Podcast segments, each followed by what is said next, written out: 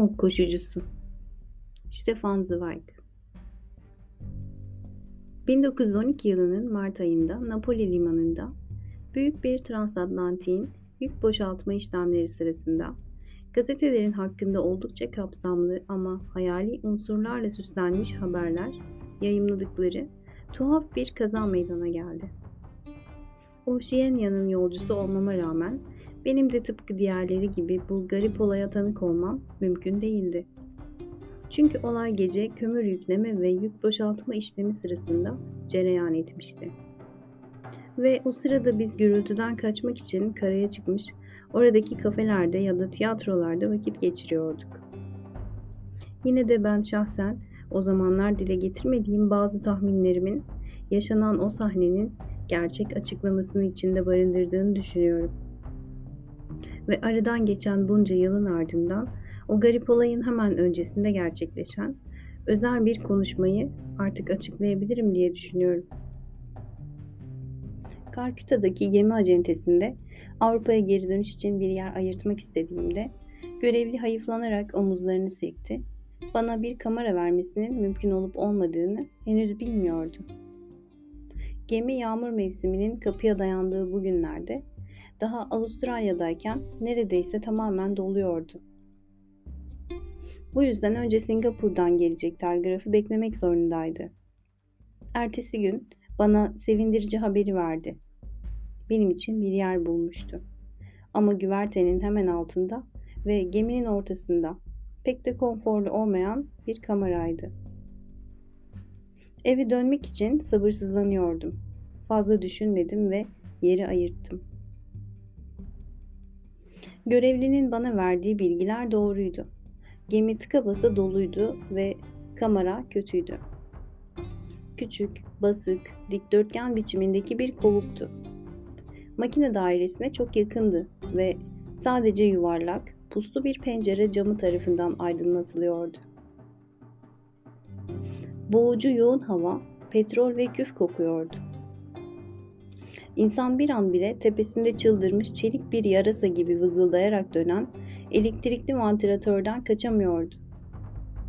Aşağıda makine durdurak bilmeden aynı merdiveni soluk soluğa tırmanan bir kömür hamalı gibi hırıldıyor ve inliyordu. Yukarıda ise gezinti güvertesinde hiç durmadan bir o yana bir bu yana sürüklenen adımların sesi duyuluyordu. Bavulumu o küf kokulu gri traversten yapılma mezara koyar koymaz kendimi tekrar güverteye attım. Ve karadan gelip dalgaların üzerinden eserek aşağılardan bize doğru yükselen tatlımsı yumuşak rüzgarı amber gibi içime çektim. Ama gezinti güvertesinde de sıkışıklık ve huzursuzluk hakimdi. Ortalık kapalı bir yere tıkılmış ve yapacak hiçbir işleri olmamasının verdiği gerginlikle sürekli gevezelik ederek bir aşağı bir yukarı volta atan insanlardan geçilmiyordu. Kadınların cıvıltılı şakalaşmaları, güvertenin dar geçitlerinde çaresizce dönüp duran yürüyüş, sürünün sandalyelerin önünden geveze bir huzursuzluk içinde bir o yana bir bu yana geçişi ve sürekli birbirleriyle karşılaşması bir şekilde bana acı veriyordu. Yeni bir dünya görmüştüm. Dört nala bir kovalamacı içinde hızlıca birbirine karışan görüntüler içmiştim. Artık onları düşünmek, dağıtmak, organize etmek, kafamda yeniden canlandırarak gözüme çarpan şeylere bir çeki düzen vermek istiyordum. Ama bu sıkışık bulvarda bir dakika bile durup dinlenmek yoktu. Bir kitabın satırları gevezelik yaparak önümden geçenlerin belli belirsiz gölgeleri altında silinip gidiyordu. Gemideki bu gölgesiz ve hareketli dar geçitte insanın kendisiyle baş başa kalması imkansızdı. Üç gün boyunca bunu denedim. Pes etmiş halde insanları, denizi izledim. Ama deniz hep aynıydı. Mavi ve boş. Sadece gün batımında aniden bütün renkler üzerine dökülmüş gibi oluyordu. İnsanlara gelince onları 3-24 saatin sonunda adeta ezberlemiştim.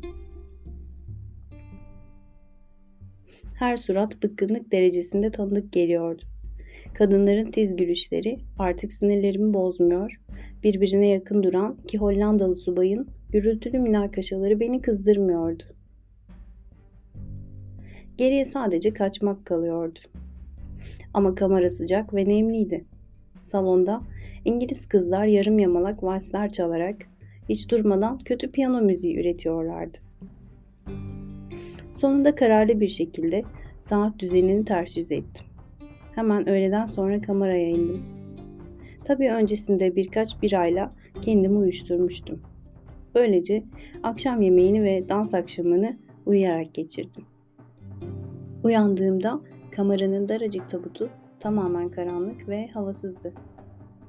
Vantilatörü kapatmıştım.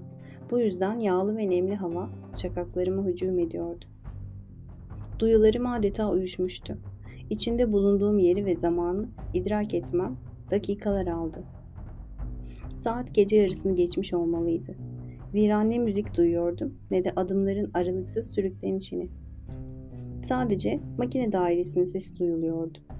Devasa geminin atan kalbi. Geminin gıcırdayan gövdesini güç bela ileriye bir görünmeze doğru itmeye devam ediyordu. El yordamıyla güverteye çıktım. Bomboştu.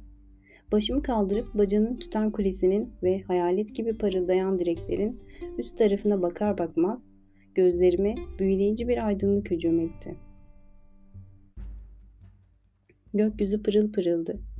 İçinde bembeyaz uçuşan yıldızlara göre karanlıktı ama yine de pırıl pırıldı. Sanki orada muazzam bir ışığı örtmekte olan kadifi bir perde vardı. Sanki parıldayan yıldızlar sadece o perdedeki delikler ve yırtıklardı.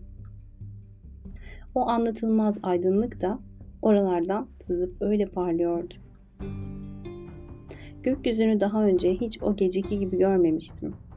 Öylesine parlak, öylesine çelik mavisi ve sertti. Ama yine de kıvılcımlar saçıyor, ışıklar sızdırıyor, coşkuyla taşıyor aydan ve yıldızlardan aşağıya akan ve bir yandan da için için yanan gizemli bir iç bölgeden geliyormuş gibi görünen ışıklarla kaynıyordu. Beyaz boyalar geminin bütün kenar hatlarını kadife karanlığındaki denize karşı ışıl ışıl parlatıyor. Halatlar, serenler, bütün ince çizgiler, bütün silüetler bu sel gibi akan parıltının içinde eriyip gidiyordu. Direklerin tepesindeki ışıklar, gökyüzünün parlak yıldızları arasındaki bu dünyevi sarı yıldızlar sanki boşlukta sallanıyorlar ve bunların üst tarafında gözetleme yerinin yuvarlak gözünden sarkıyorlardı.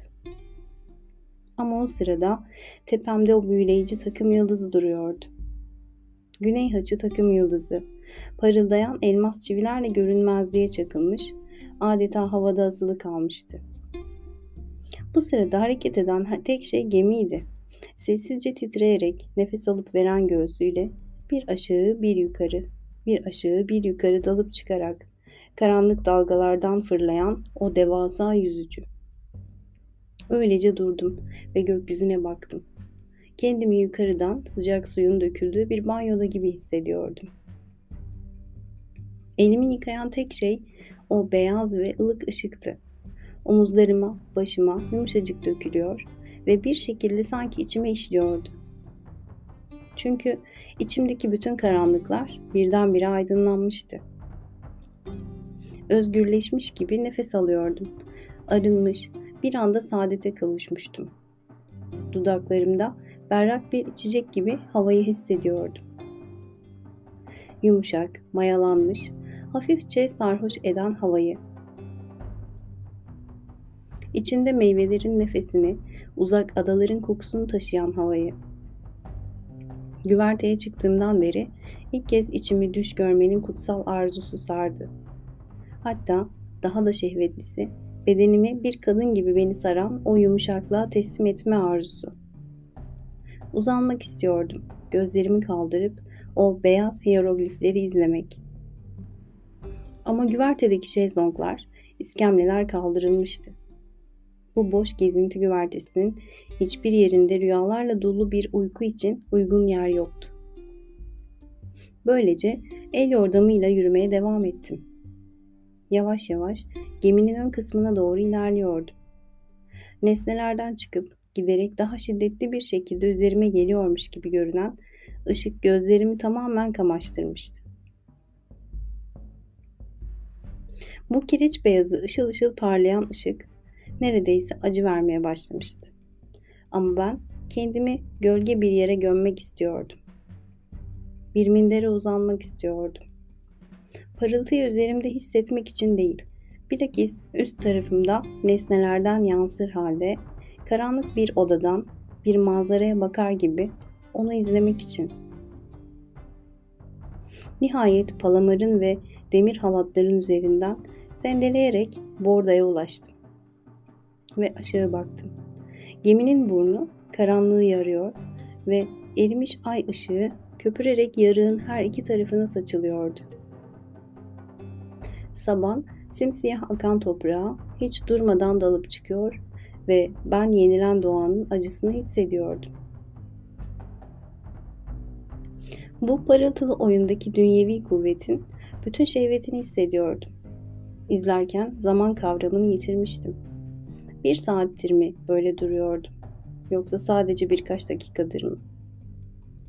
Geminin muazzam beşiği beni zamanın içinde bir aşağı bir yukarı savurup duruyordu.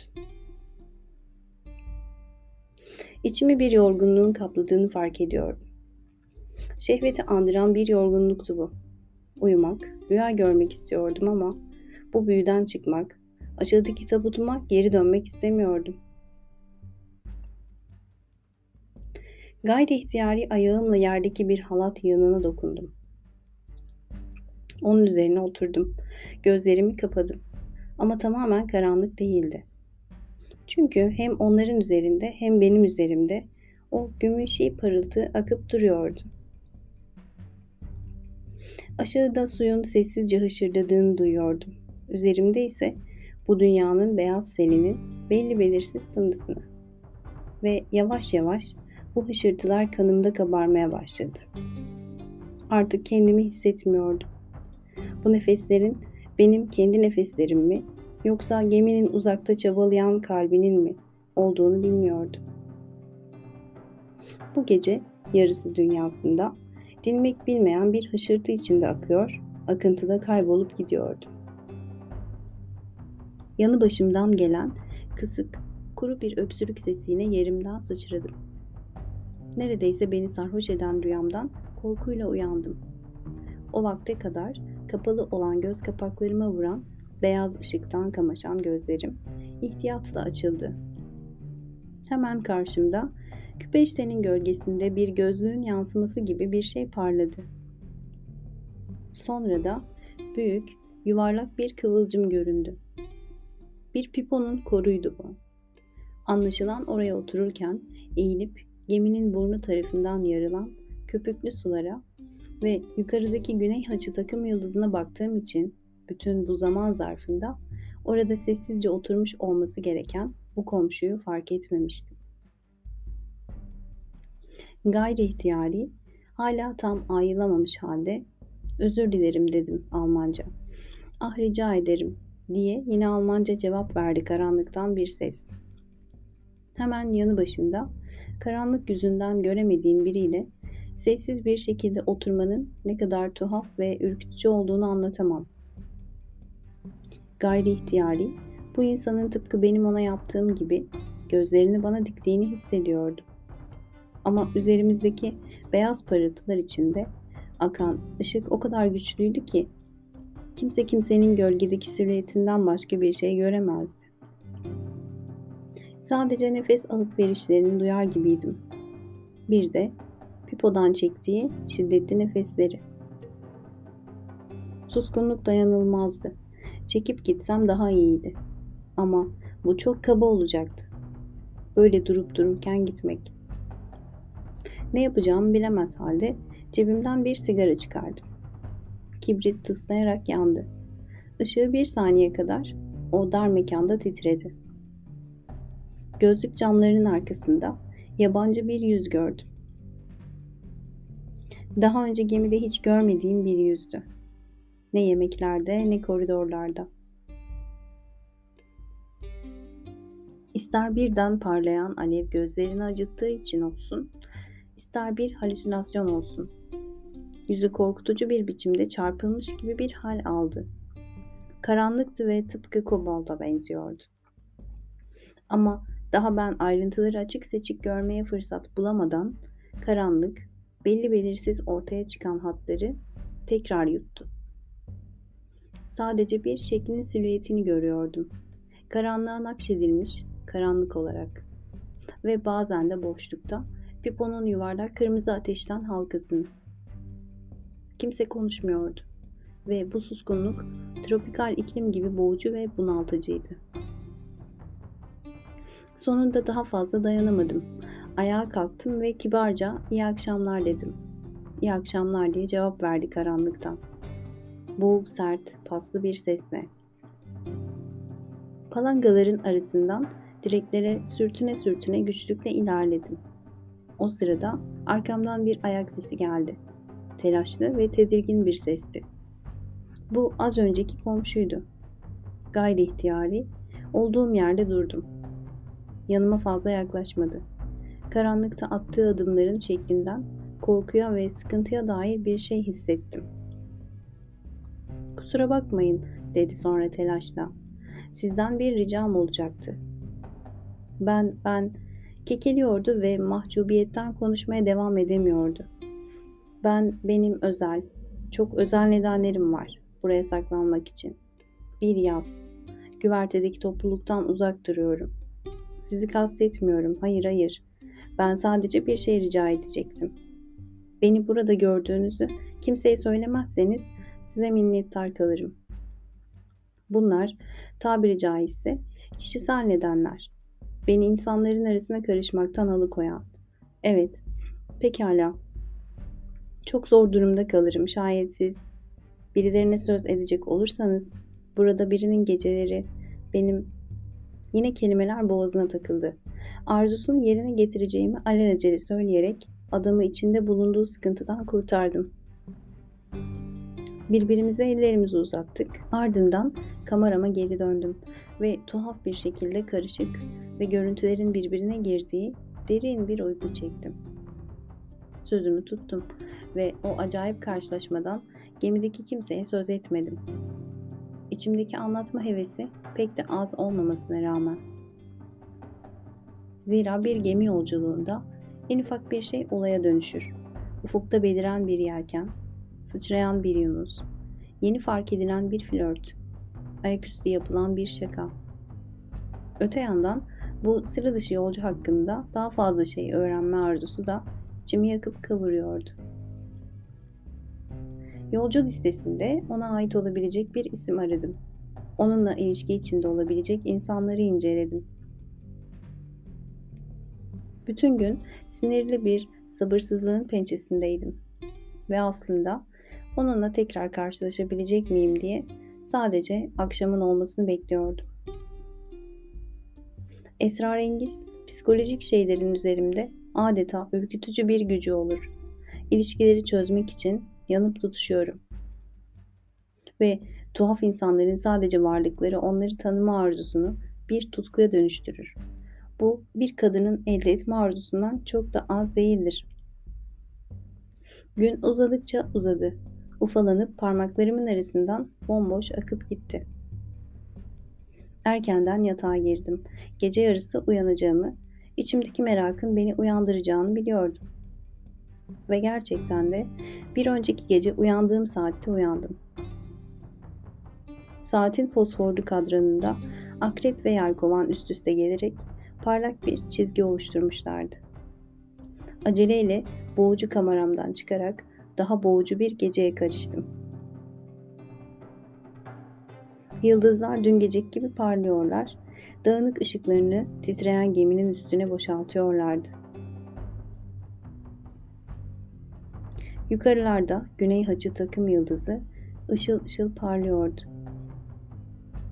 Her şey dünkü gibiydi. Tropiklerde geceler ve gündüzler birbirlerine bizim küredekinden daha çok benzerler. Sadece içimdeki bu yumuşak, akışkan, hayalperest uyanıklık hali dünkü gibi değildi. Bir şey beni çekiyor, kafamı karıştırıyordu ve o şeyin beni nereye çektiğini biliyordum. Borda kısmındaki o siyah kütleye. Acaba hala orada hareketsiz bir biçimde oturuyor muydu? O esrarengiz adam. Yukarıdan geminin çan sesi geldi. Bu beni hızla harekete geçirdi.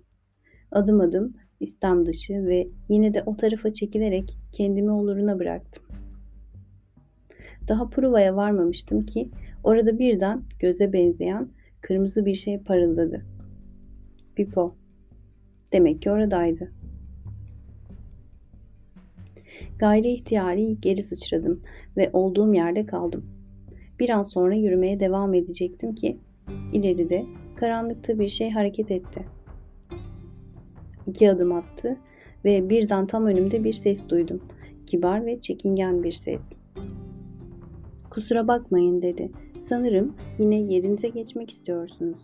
Ama içimden bir ses sizin beni görünce bundan vazgeçtiğinizi söylüyor. Lütfen siz yerinize geçin, ben giderim. Aceleyle benim açımdan sorun olmadığını, orada kalmasını, sadece onu rahatsız etmemek için geri durduğumu söyledim. Beni rahatsız etmiyorsunuz dedi, acı bir sesle. Tam tersine, bazen yalnız olmadığıma seviniyorum. On gündür tek bir kelime bile konuşmadım. Aslında yıllardır. Artık o kadar zor geliyor ki bu. Belki de insan her şeyi içine atmaktan boğuluyor zamanla. Artık kameramda duramıyorum o. O tabutun içinde. Artık yapamıyorum. Öte yandan insanlara da katlanamıyorum. Çünkü bütün gün gülüyorlar. Şu an bunu kaldıramam. Sesleri kameramın ta içine kadar geliyor ve ben kulaklarımı tıkıyorum. Kuşkusuz. Tabii bilmiyorlar ki. Neyse işte bilmiyorlar. Ve de zaten yabancıları ne ilgilendirir ki bu? Tekrar sustu. Sonra aniden ve aceleyle şöyle dedi. Ama size yük olmak istemem. Gevezeliğimi affedin. Önümde eğilerek oradan ayrılmak istedi ama ben buna ısrarla karşı çıktım. Bana kesinlikle yük olmuyorsunuz. Burada sakin sakin birkaç kelime konuşmak beni de mutlu eder. Bir sigara alır mısınız? Bir tane aldı. Sigarasını yaktı. Yüzü yine aydınlanarak geminin siyah duvarından ayrıldı. Ama bu kez tamamen bana dönmüştü. Gözlüğün arkasındaki gözleri merak ve delice bir güçle yüzümü inceliyordu. İçimi bir korku kapladı. Bu insanın konuşmak istediğini hissediyordum. Konuşmak zorunda olduğunu ve biliyordum ki ona yardım etmek istiyorsam susmak zorundaydım. Tekrar oturduk. Orada ikinci bir şezlongu vardı. Onu bana verdi. Sigaralarımız parıldıyordu. Onunkinden çıkan ışık çemberinin karanlıktaki o tedirgin titreyişinden ellerinin sarsıntı içinde olduğunu anladım. Ama ben susuyordum. O da susuyordu. Sonra birden kısık bir sesle sordu. Çok mu yorgunsunuz? Hayır kesinlikle değilim. Karanlıktan gelen ses yine duraksadı. Size bir şey sormak istiyorum. Daha doğrusu size bir şey anlatmak istiyorum. Biliyorum, çok iyi biliyorum. Karşıma çıkan ilk kişiye yönelmem çok saçma ama ben ruhsal olarak korkunç bir durumdayım. Mutlaka biriyle konuşmak zorunda olduğum bir noktadayım. Yoksa mahvolacağım. Eminim bunu anlayacaksınız. Eğer ben, evet, eğer ben anlatırsam bana yardım edemeyeceğinizi biliyorum. Ama bu suskunluk beni bir tür hasta etti. Ve bir hasta da diğerleri için her zaman gülünçtür. Onun sözünü kestim ve kendine bu kadar eziyet etmemesini rica ettim. Bana anlatabilirdi. Elbette ona hiçbir şey için söz veremezdim ama yardıma hazır olduğunu göstermek bir insanlık göreviydi. Eğer insan bir başkasını zor durumda görürse elbette ona yardım etme mecburiyeti ortaya çıkardı. Görev, yardıma hazır olduğunu gösterme, bir girişimde bulunma görevi. Yani siz de aynı fikirdesiniz. Siz de bunun insanlık görevi olduğu fikrindesiniz. Yardıma hazır olduğunu gösterme görevi. Bu cümleyi üç kez tekrar etti. Onun bu duygusuz ve inatçı tekrarları beni dehşete düşürdü. Bu adam deli miydi? Sarhoş muydu? Ama sanki ben aklımdan geçenleri dudaklarımla söylemişim gibi birden bambaşka bir sesle şöyle dedi. Belki benim deli olduğumu düşüneceksiniz ya da sarhoş. Hayır değilim, henüz değilim. Sadece söylediğiniz o sözcük beni tuhaf bir şekilde etkiledi. Tuhaf çünkü beni rahatsız eden şey tam da bu. Yani insanın görevi olup olmaması. Görevi. Yeniden kekelemeye başladı. Sonra kısa bir süre sustu. Ve ardından yeni bir şevkle anlatmaya başladı. Aslında ben doktorum. Ve bu meslekte böyle vakalarla sık sık karşılaşılır. Böyle ölümcül vakalarla. Evet, sınırdaki vakalar diyelim. İnsanın görevi olup olmadığını bilmediği vakalar. Yani sadece diğerine karşı görevi yok ki insanın, kendine karşı da var. Devlete karşı da, bilime karşı da var. Yardım edelim. Elbette zaten bunun için varız. Ama böyle düsturlar her zaman sadece teoriktir. Nereye kadar yardım edelim ki? İşte siz yabancı bir insan, ben de size yabancıyım.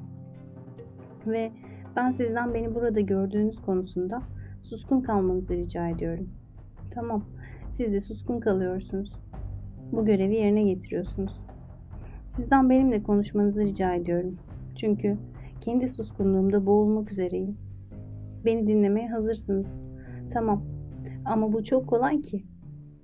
Peki sizden beni tutup küpeşteden denize atmanızı rica etsem? O zaman iyilikseverliğiniz, yardımseverliğiniz o noktada biter. Bir yerde biter işte. Kişinin kendi yaşamıyla, kendi sorumluluklarıyla karşı karşıya kaldığı yerde. Bir yerlerde bitmek zorunda. Bu görev bir yerlerde bitmek zorunda. Ya da acaba doktorların görevi bitemez mi? O bir kurtarıcı. Her an herkese yardıma hazır biri mi olmalı? Sırf üzerinde latince kelimeler olan bir diploması var diye. Gerçekten de kendi hayatını hiçe mi saymalı? Kendi kanına su mu karıştırmalı sırf biri, sırf biri gelip ondan asil davranmasını, yardımsever ve iyi olmasını istiyor diye. Evet, sorumluluğun da bir sınırı var. İnsanın artık daha fazlasını yapamadığı bir yer. Adam tekrar sustu. Sonra kendini tekrar toparladı. Kusura bakmayın, birden çok heyecanlandım. Ama sarhoş değilim. Henüz sarhoş değilim. Bu cehennemi yalnızlık içinde. Bu da başıma sık sık gelir. Bunu size rahatlıkla itiraf edebilirim. Düşünün ki 7 yıl boyunca neredeyse yalnızca yerlilerin ve hayvanların arasında yaşadım. Böyle olunca da insan sakin konuşmayı unutuyor. O zaman da insan bir başladı mı gerisi sel gibi geliyor. Ama bir dakika, evet hatırladım. Size bir şey soracaktım. Size bir olay anlatacak ve böyle bir durumda insanın yardım etme yükümlülüğü var mıdır diye soracaktım. Yani meleksi bir saflıkla yardım etmek. Sanki. Bir yandan da bunun uzun sürmesinden korkuyorum. Gerçekten yorgun değil misiniz? Hayır kesinlikle değilim. Ben çok teşekkür ederim. Almaz mısınız? Karanlıkta el yordamıyla arkasında bir yeri yokladı. Çıkarıp yanına koyduğu 2-3 ya da daha fazla şişe birbirine çarpıp şıngırdadı. Bana bir bardak viski verdi. Ben viskiye şöyle bir dudak ucuyla dokunurken o kendininkini bir dikişte boşalttı. Bir an aramızda bir sessizlik oldu. O sırada çan çaldı, saat yarımdı. Neyse, size bir olay anlatmak istiyorum. Varsayın ki bir doktor küçük, küçük bir şehirde ya da daha doğrusu kırsalda bir doktor, bir doktor tekrar sustu. Sonra koltuğunu hızla çekip bana doğru geldi. Bu böyle olmaz. Size her şeyi doğrudan anlatmam lazım. En başından yoksa anlamayacaksınız. Bunu genelleyerek teori olarak dile getirmek mümkün değil. Size kendi olayımı anlatmam lazım. Burada utanacak, gizleyecek bir şey yok. Benim önümde insanlar da çırılçıplak soyunuyorlar. Bana yaralarını, idrarlarını, dışkılarını gösteriyorlar. Eğer insan kendisine yardım edilmesini istiyorsa lafı dolandırmamalı. Hiçbir şey saklanmamalı. Hiçbir şekilde size hayali bir doktoru anlatmayacağım. Çırılçıplak soyunuyorum ve diyorum ki ben bu kirli yalnızlık içinde utanmayı tamamen unuttum. İnsanın ruhunu parçalayan ve kemiklerinden iliğine emen bu lanet olası ülkede.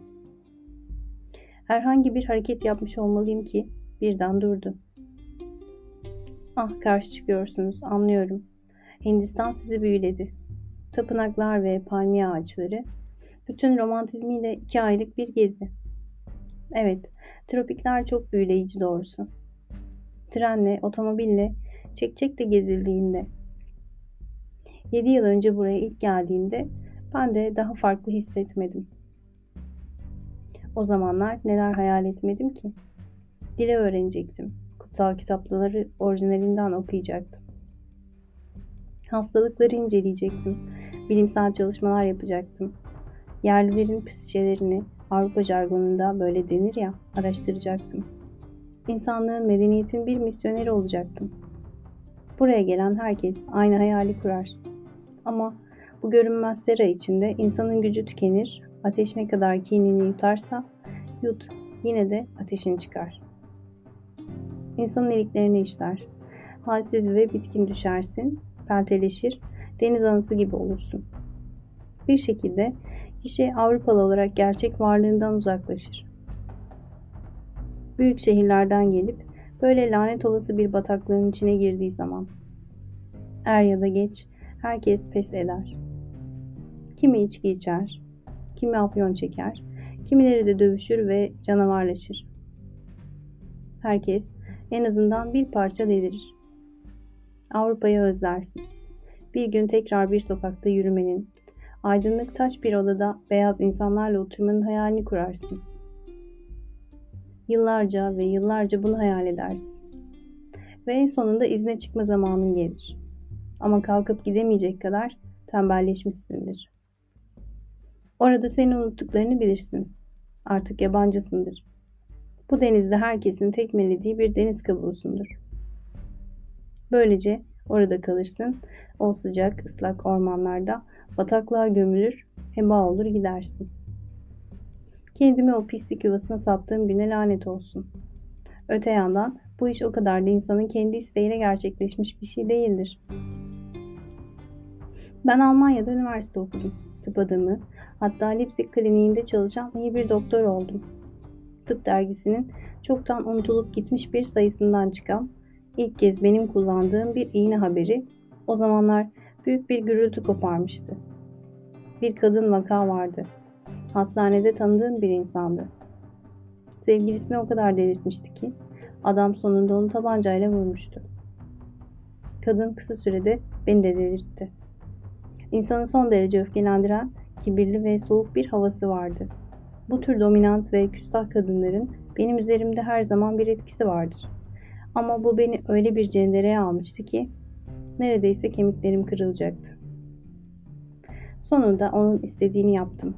Ben bunu neden söylemeyeyim ki? Aradan 8 yıl geçmiş. Onun için hastanenin para kasasına el uzattım. Ve olay ortaya çıkınca tabii kıyamet koptu. Amcam olayı bir şekilde kapattı. Ama kariyerim de böylece son bulmuş oldu. Neyse, o günlerde Hollanda hükümetinin sömürgelerde çalıştırılmak üzere doktorlar aradığını ve yüklü bir avans vaat ettiğini duydum. Hemen şöyle düşündüm. Eğer bir avans veriyorlarsa temiz bir iş olmalı. Bu ateşli arazilerde mezar taşlarının bizdekinden üç kat hızlı çoğaldığını biliyordum. Ama insan genç olunca ateşin ve ölümün her zaman başkalarına sıçrayacağını düşünür. Neyse fazla seçeneğim yoktu. Atlayıp Rotterdam'a gittim. 10 yıllığını kayıt yaptırdım. Kalınca bir para destesi verdiler. Yarısını eve amcama gönderdim. Kalan yarısını orada liman mahallesinde bir kadına kaptırdım. Kadın neyim var neyim yoksa elimden aldı. Çünkü öteki lanet olası kadına o kadar çok benziyordu ki. Parasız, saatsiz, hayalsiz bir şekilde Avrupa'dan ayrıldım. Limandan yola çıktığımızda pek de üzgün değildim. Sonra güvertede öylece tıpkı sizin gibi diğerleri gibi oturdum ve Güney Haç'ın palmiyeleri izledim. Kalbim hızla çarpıyordu. Ah ormanlar, yalnızlık, sessizlik diye hayal ediyordum. Neyse, yalnızlığa yeterince sahiptim. Beni Batavia ya da Surabaya gibi insanların olduğu kulüplerin, golfün, kitapların ve gazetelerin olduğu bir şehre vermediler. Bilakis şu an isminin herhangi bir önemi yok. Kırsaldaki istasyonlardan birine verdiler. En yakın şehir iki günlük yoldaydı. Birkaç sıkıcı, kavruk, memur, birkaç melez, çevremdeki insanlar bu kadardı. Gerisi uçsuz bucaksız ormanlar, tarlalar, çalılıklar ve bataklıklardı. Başlangıçta henüz katlanılır bir şeydi. Çok çeşitli araştırmalar yapıyordum. Bir keresinde başkan yardımcısı denetleme amacıyla dolaşırken otomobili devrilip de bacağı parçalanınca yardımcılarım olmadan bir ameliyat gerçekleştirdim. Bunun hakkında çok konuşuldu. Yerlilerden zehirler ve silahlar topluyordum. Uyanık kalabilmek için yüzlerce küçük şeyle uğraşıyordum. Ama bütün bunlar Avrupa'dan gelen güç içimde var olduğu sürece yolunda gitti. Sonra kuruyup kaldım. Oradaki birkaç Avrupalıdan çok sıkılmıştım. Onlarla ilişkimi kestim. Kendimi içkiye ve hayallere verdim. Sadece iki yılım kalmıştı. Sonra emekli olup özgürlüğüme kavuşacaktım. Avrupa'ya geri dönebilecek, orada yeni bir hayata başlayabilecektim. Aslında beklemekten başka hiçbir şey yapmıyordum. Sessizce yatıyor ve bekliyordum. Bugün de hala öyle oturuyor olacaktım. Şayet o şayet o şeyler olmamış olsaydı. Karanlıktaki ses kesildi. Pipo'nun koruda parlamıyordu artık. Ortalık o kadar sessizleşmişti ki birden köpükler içinde geminin gövdesine vuran suların sesini ve makine dairesinin uzaklardan gelen boğuk kalp atışlarını duymaya başladım. O an bir sigara yakmayı çok isterdim. Ama kibritin parlayacak alevinden ve adamın yüzünde oluşacak yansımadan çekiniyordum. O ise sustukça susuyordu. Anlatısının sonuna mı geldi, uyuklamaya mı başladı, yoksa tamamen uykuya mı daldı bilemiyordum. Öylesine bir ölüm sessizliğine bürünmüştü ki. Tam o sırada gemi çanı bir kere düz ve güçlü bir sesle çınladı. Saat bir. Adam yerinden sıçradı. Tekrar bardak şıngırtıları duyuldu. Belli ki el yordamıyla viskiyi arıyordu. Hafif bir yudum sesi duyuldu. Sonra birden ses tekrar anlatmaya başladı. Bu sefer sanki daha gergin, daha heyecanlıydı. Neyse, ne diyordum? Neyse öyle işte. Lanet olası zihnimde oturuyordum.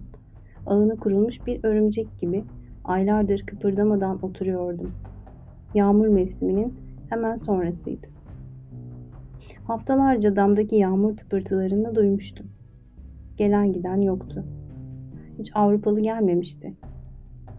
Evdeki sarı benizli kadınlarla ve viskimle her gün ama her gün evde oturmuştum. Tamamen çökmüş durumdaydım. Avrupa özlemiyle dop doluydum. Ne zaman aydınlık sokaklar ve beyaz kadınlardan söz eden bir roman okusam parmaklarım titremeye başlıyordu. Durumu size tam olarak anlatmam mümkün değil.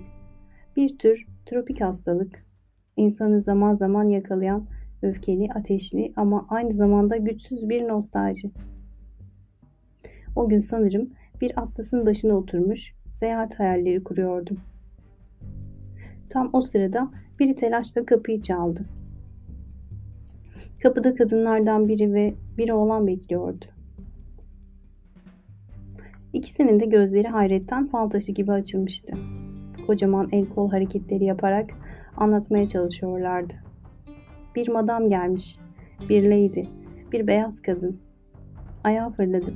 Bir aracın, bir otomobilin geldiğini duymamıştım. Beyaz bir kadın burada. Bu yabani ormanın ortasında ha. Merdivenden inmek istiyorum ama son anda kendimi çekiyorum. Aynaya bir göz atıyorum. Aceleyle üstüm başımı düzeltiyorum. Gerginim, huzursuzum. Hoş olmayan bir his içimi kemiriyor. Zira dünya üzerinde sırf dostluk duygularıyla beni burada ziyaret edecek bir tanıdığım yok.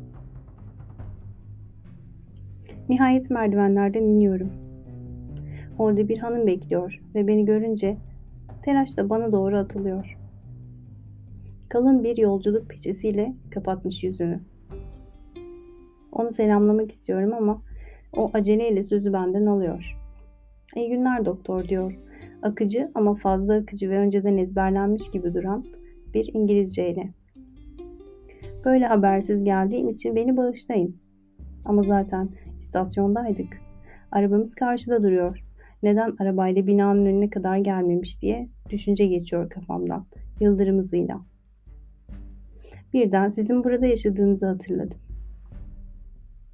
Hakkınızda çok şey duymuştum. Başkan yardımcısına yaptığınız şey tam anlamıyla sihirbazlıktı.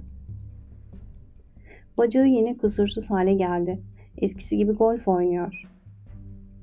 Ah evet, bizim orada herkes hala bundan söz ediyor. Şayet siz bize gelecek olsanız, o suratsız cerrahımız ve diğer iki kişiyi derhal gönderirdik. Hem neden sizi aşağıda, bizim orada görmüyoruz? Doğrusu bir yogi gibi yaşıyorsunuz burada. Bu şekilde gevezeliğe devam ediyor. Aceleyle giderek daha bir aceleyle konuşuyor. Benim ağzımı açmama bile fırsat vermiyor. Kadının laf salatasında gergin ve savruk bir hali var ve bu beni tedirgin ediyor. Neden bu kadar hızlı konuşuyor diye soruyorum kendi kendime. Neden kendini tanıtmıyor? Neden peçesini çıkarmıyor? Ateşi mi var? Hasta mı? Delirmiş mi? Giderek sinirleniyorum. Çünkü o laf salatasını sağanak halinde üzerime boşaltırken benim onun karşısında böyle suskun bekleyişimin gülünç olduğunu hissediyorum. Nihayet susar gibi oluyor ve yukarı onu davet etmeyi başarıyorum. Oğlana küçük bir hareketle beklemesini işaret ediyor. Sonra önüme geçip merdivenleri tırmanıyor. Burası çok sevimli diyor. Odamda göz gezdiriyor. Ah ne güzel kitaplar. Hepsini okumak isterdim. Kitaplığa yaklaşıyor ve kitapların adlarını inceliyor. Onunla karşılaştığımdan beri ilk kez burada bir dakika kadar susuyor. Size bir çay ikram edebilir miyim diye sordum. Arkasını dönmüyor, sadece kitap isimlerine bakıyor. Hayır teşekkürler doktor. Hemen yine yola devam etmek zorundayız. Çok fazla vaktim yok. Küçük bir kaçamak yaptım o kadar. Ah burada Flaubert de varmış. Ne kadar da severim. Harika harika. Bakıyorum Fransızca da okuyorsunuz. Elinizden her şey geliyor. Almanlar işte. Her şeyi okulda öğreniyorlar. Gerçekten muazzam. Bu kadar çok dil bilmek. Başkan yardımcısının size güveni tam. Her zaman sizin bıçağı altına yatacağı tek kişi olduğunuzu söyler. Bizim oradaki sevgili cerrahımız da bir iç konusunda yetenekli. Ayrıca biliyor musunuz? Hala arkasına dönmüş değil. Bugün aklıma ne geldi? Size muayene olmam lazım. Ve madem ki tam da buradan geçiyorduk, düşündüm ki neyse sizin şimdi işiniz vardır. En iyisi ben başka bir zaman geleyim. Nihayet elindeki kartları açıyorsun diye düşündüm hemen. Ama hiçbir şey belli etmedim. Tersine şimdi ya da ne zaman isterse ona hizmet etmenin benim için bir onur olacağını söyledim. Ciddi bir şey değil dedi. Hafifçe bana dönmüştü. Bir yandan da raftan aldığı kitabın sayfalarını çeviriyordu. Ciddi bir şey değil. Ufak tefek şeyler. Kadın meseleleri baş dönmeleri, baygınlıklar. Bu sabah bu virajı alırken birden olduğum yere yığıldım. Üç oğlan beni arabada doğrultmak zorunda kaldı ve gidip su getirdi. Neyse belki de şoför fazla hızlı sürmüştür. Öyle değil mi doktor? Bana bu şekilde karar veremem. Sık sık bu tür baygınlıklar geçiriyor musunuz? Hayır, daha doğrusu evet, son zamanlarda. Özellikle de en son zamanlarda evet. Bu türden bayılmalar ve mide bulantıları. Kadın tekrar kitaplığın önünde elindeki kitabı yerine koyup bir başkasını alıyor ve sayfalarını çevirmeye başlıyor. Tuhaf. Neden sürekli kitapları böyle böyle sinirli bir şekilde karıştırıyor ki? Neden gözlerini peçenin altından kaldırıp bakmıyor? Bilerek hiçbir şey söylemiyorum. Onu bekletmek hoşuma gidiyor. En sonunda o teklifsiz ve geveze tarzıyla yeniden konuşmaya başlıyor. Değil mi doktor? Ciddi bir şey yok değil mi? Tropikal bir mesele değil. Tehlikeli bir şey değil. Önce ateşinizin olup olmadığına bakmam lazım. Nabzınızı rica edebilir miyim? Ona doğru yürüyorum. Hafifçe yana kaçıyor. Hayır hayır ateşim yok. Kesinlikle kesinlikle yok. Ben kendim her gün ölçtüm. O, o ilk bayılmadan bu yana asla ateşim olmadı. Hep tamı tamına 36.4 çıktı. Midem de sağlıklı. Bir an tereddüt ediyorum. Başından beri içimde beni rahatsız eden bir his var. Bu kadının benden bir şey istediğini hissediyorum. Kimse sırf Flaubert üzerine konuşmak için kalkıp vahşi bir ormana gelmez. Onu bir iki dakika bekletiyorum. Kusuruma bakmayın diyorum. Sonra doğrudan doğruya size tamamen samimi birkaç soru sorabilir miyim? Elbette doktor. Siz hekimsiniz diye cevap veriyor ama bana tekrar arkasını dönüyor ve kitaplarla oynuyor. Çocuklarınız var mı? Evet, bir oğlum var. Ve siz siz o zaman yani o dönemde benzer şeyler yaşadınız mı? Evet. Sesi şimdi bambaşka. Son derece berrak, son derece kesin, katiyen geveze, katiyen sinirli değil. Ve acaba soruyu mazur görün. Şimdi de aynı durumda olmanız mümkün mü? Evet. Bir bıçak gibi keskin ve delici çıkıyor bu sözcük ağzından. Öbür tarafa dönük, yüzünde titreyen tek bir çizgi bile yok. Bu durumda belki de en iyisi sevgili bayan sizi genel bir muayeneden geçirmek. Acaba rica etsem diğer diğer odaya zahmet buyurmaz mısınız? Bunun üzerine birden bana dönüyor. Örtünün altında bana karşı soğuk, kararlı bir bakış hissediyorum. Hayır buna gerek yok. Durumumdan kesinlikle eminim. Ses bir an tereddüt etti. Doldurulan bardak karanlıkta tekrar ışıldadı. Pekala dinleyin. Ama önce bir an için bu durumu düşünmeye çalışın. Kendi yalnızlığı içinde yok olup gitmekte olan bir adama bir kadın geliyor. Yıllardır odasına giren ilk beyaz kadın. Ve birden hissediyorum ki odada kötü bir şey var. Bir tehlike. Bir şekilde üzerime çullanmıştı. Bu kadının çelik gibi sert kararlılığından dehşete düşmüştüm. Gevize bir konuşma tarzıyla içeriye dalmış ve sonra birden bıçak çeker gibi ne istediğini ortaya koymuştu. Zira benden ne istediğini biliyordum. Elbette hemen anlamıştım.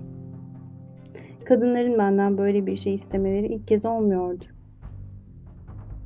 Ama diğerleri farklı gelmişlerdi. Utanarak ya da yalvararak, gözyaşlarıyla, yeminlerle gelmişlerdi. Ama bu seferki evet çelik gibi erkeksi bir kararlılıktaydı. İlk andan itibaren bu kadının benden daha güçlü olduğunu hissetmiştim. Beni boyunduruğu altına alabileceğini, istediği gibi yönetebileceğini. Ama ama benim içimde kötü bir şey de vardı.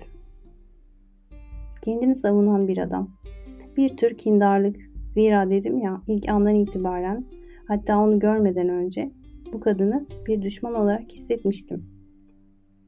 Şimdilik susuyordum. İnatla ve acımasızca. Onun peçenin altından bana baktığını hissediyordum.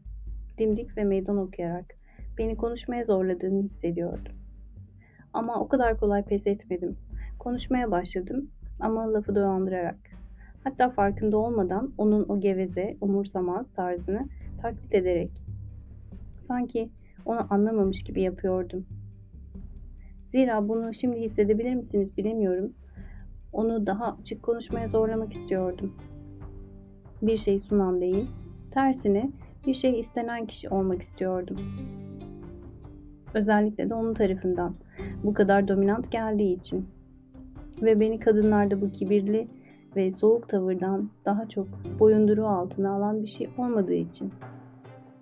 Yani lafı dolandırıyordum. Bunun korkulacak bir durum olmadığını söylüyordum. Bu tür bayılmalar olayın normal akışına dahildi. Hatta bunlar neredeyse iyi bir gelişim sürecinin teminatıydı. Klinik gazetelerinden bazı vakalar aktardım. Konuştum konuştum. Umursamaz ve kayıtsızdım. Meseleyi neredeyse sıradan bir olay gibi gösteriyordum. Ve ve her an sözünü kesmesini bekliyordum. Çünkü buna katlanamayacağını biliyordum. O sırada oldukça sert bir şekilde adeta bütün bu rahatlatıcı konuşmayı bir kenara itmek isteyen bir el hareketiyle araya girdi. Beni tedirgin eden şey, doktor bu değil, oğlumu dünyaya getirdiğim zaman sağlığım daha iyi durumdaydı. Ama şimdi o kadar iyi değilim. Kalp rahatsızlıklarım var. Ah kalp rahatsızlıkları diye tekrar ettim. Tedirgin olmuş gibi yapıyordum. O zaman buna hemen bakmam lazım. Sanki kalkıp steskopu alıp getirecekmişim gibi bir hareket yaptım. Ama yine araya girdi. Sesi bu sefer son derece keskin ve kararlıydı. Bir komutan sesi gibiydi. Kalp rahatsızlıklarım doktor ve sizden söylediklerime inanmanızı rica ediyorum. Muayenelerde zaman kaybetmek istemiyorum. Bana biraz güvenebilirsiniz diye düşünüyorum. En azından ben size olan güvenimi yeterince kanıtladım. Artık bu bir savaştı. Açıkça meydan okumaydı. Ben de kabul ettim. Güvenin şartı samimiyettir. Kayıtsız şartsız samimiyet. Açık konuşun. Ben doktorum. Ve her şeyden önce şu peçeyi kaldırın. Gelin şuraya oturun. Kitapları bırakın ve de dolambaçlı yolları. İnsan doktoru peçeyle gelmez. Bana baktı, dimdik ve gururlu. Bir an duraksadı. Sonra oturdu ve peçesini yukarı kaldırdı. Tam da görmekten korktuğum bir yüzdü. İçine nüfuz edilemeyen bir yüz. Sert, kontrollü, yaştan bağımsız bir güzellik. Bütünüyle huzurlu görünen ama arkasında bütün tutukları hayal edebileceğiniz gri İngiliz gözleri olan bir yüz. O ince dudakları, birbirine bastırılmış ağız, istemediği hiçbir sırrı ele vermiyordu. Bir dakika boyunca birbirimize baktık. O hem emredici hem de sorgulayıcıydı. Bakışlarında soğuk, çelik gibi bir acımasızlık vardı. Öyle ki buna daha fazla dayanamayıp istemsizce bakışlarımı yana çevirdim. Parmaklarıyla hafif hafif masaya vuruyordu. Demek ki onun içinde de bir huzursuzluk vardı. Sonra birden hızlı hızlı sizden ne istediğimi biliyor musunuz doktor dedi. Ya da bilmiyor musunuz? Bildiğimi sanıyorum ama en iyisi gayet açık olalım. Siz şu anki durumunuza bir son vermek istiyorsunuz. Sizi bayılmalarınızdan, bulantılarınızdan kurtarmamı istiyorsunuz. Bunlara neden olan şeyi şeyi ortadan kaldırmak suretiyle öyle değil mi? Evet, bir giyotin gibi düşmüştü bu sözcük. Bu tür girişimlerin tehlikeli olduğunu da biliyor musunuz? Her iki taraf için de. Evet, bunu yapmamın kanunen yasak olduğunu, yasak olmayan aksine önerilen durumlar da var. Ama bunlar tıbbi zorunluluk durumları. O halde o zorunluluğu da siz bulacaksınız. Doktor sizsiniz. Net, dimdik, hiç kıpırdamadan bakıyordu gözleri bana. Bu bir emirdi ve zavallı ben onun iradesindeki bu şeytani otorite karşısında hayranlıkla titriyordum. Ama çoktan ayakları altına alınmış olduğumu göstermemek için hala debeleniyordum. Sakın acele etme. Zorluklar çıkar. Onu yalvarmaya zorla diyen bir arzu vardı içimde. Bu her zaman doktorun elinde olan bir şey değildir. Ama hastaneden bir meslektaşımla meslektaşlarınızı istemiyorum. Ben size geldim. Sorabilir miyim acaba neden özellikle ben? Bana soğuk bir bakış fırlattı. Bunu size söylemekte bir sakınca görmüyorum. Çünkü siz şehir dışında oturuyorsunuz. Çünkü beni tanımıyorsunuz. Çünkü iyi bir doktorsunuz ve çünkü burada ilk kez duraksadı. Çünkü herhalde buralarda fazla kalmazsınız. Bilhassa, bilhassa da eve yüklü miktarda para götürme imkanı bulursanız. Birden buz gibi oldum. Bu katı, bu esnaf, bu tüccar hesapçılığındaki netlik beni serseme çevirmişti. O ana kadar dudaklarını hiç rica için açmamıştı. Ama her şeyi çoktan hesaplamıştı. Önce bana pusu kurmuş ve sonra izimi sürmüştü. İradesindeki şeytaniliğin içime nasıl sızdığını hissediyordum. Ama bütün öfkemle kendimi savundum. Bir kez daha kendimi nesnel, hatta neredeyse alaycı olmaya zorladım. Bu yüklü miktarı da siz, siz mi sağlayacaksınız bana? Yardımlarınız ve derhal buradan ayrılmanız için. Bu yüzden emekliliğimi kaybedeceğimi biliyor musunuz? Bu zararınızı karşılayacağım. Çok açık sözlüsünüz ama ben daha da açık olmanızı istiyorum. Bana bunun için ödemeyi düşündüğünüz miktar nedir? 12 bin gulden. Amsterdam'da tahsil edeceğiniz bir çek olarak. Ben titriyordum. Öfkeden titriyordum ve hatta hayranlıktan. Her şeyi hesaplamıştı. Miktarı ve ödeme biçimini. Ki bu beni buradan ayrılmaya zorlayacaktı. Bana bir değer biçmiş ve satın almıştı. Tanımadığı halde iradesinin ön sezisiyle bana hakim olmuştu. İçimden suratına bir tokat atmak geçiyordu.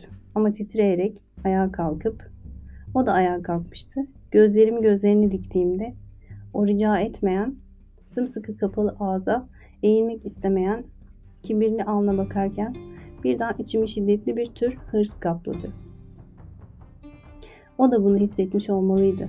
Çünkü kendini rahatsız eden birini başından salmak istercesine kaşlarını kaldırmıştı. Aramızdaki nefret birden açığa çıkmıştı. Bana ihtiyacı olduğu için benden nefret ettiğini biliyordum ve ben de ondan.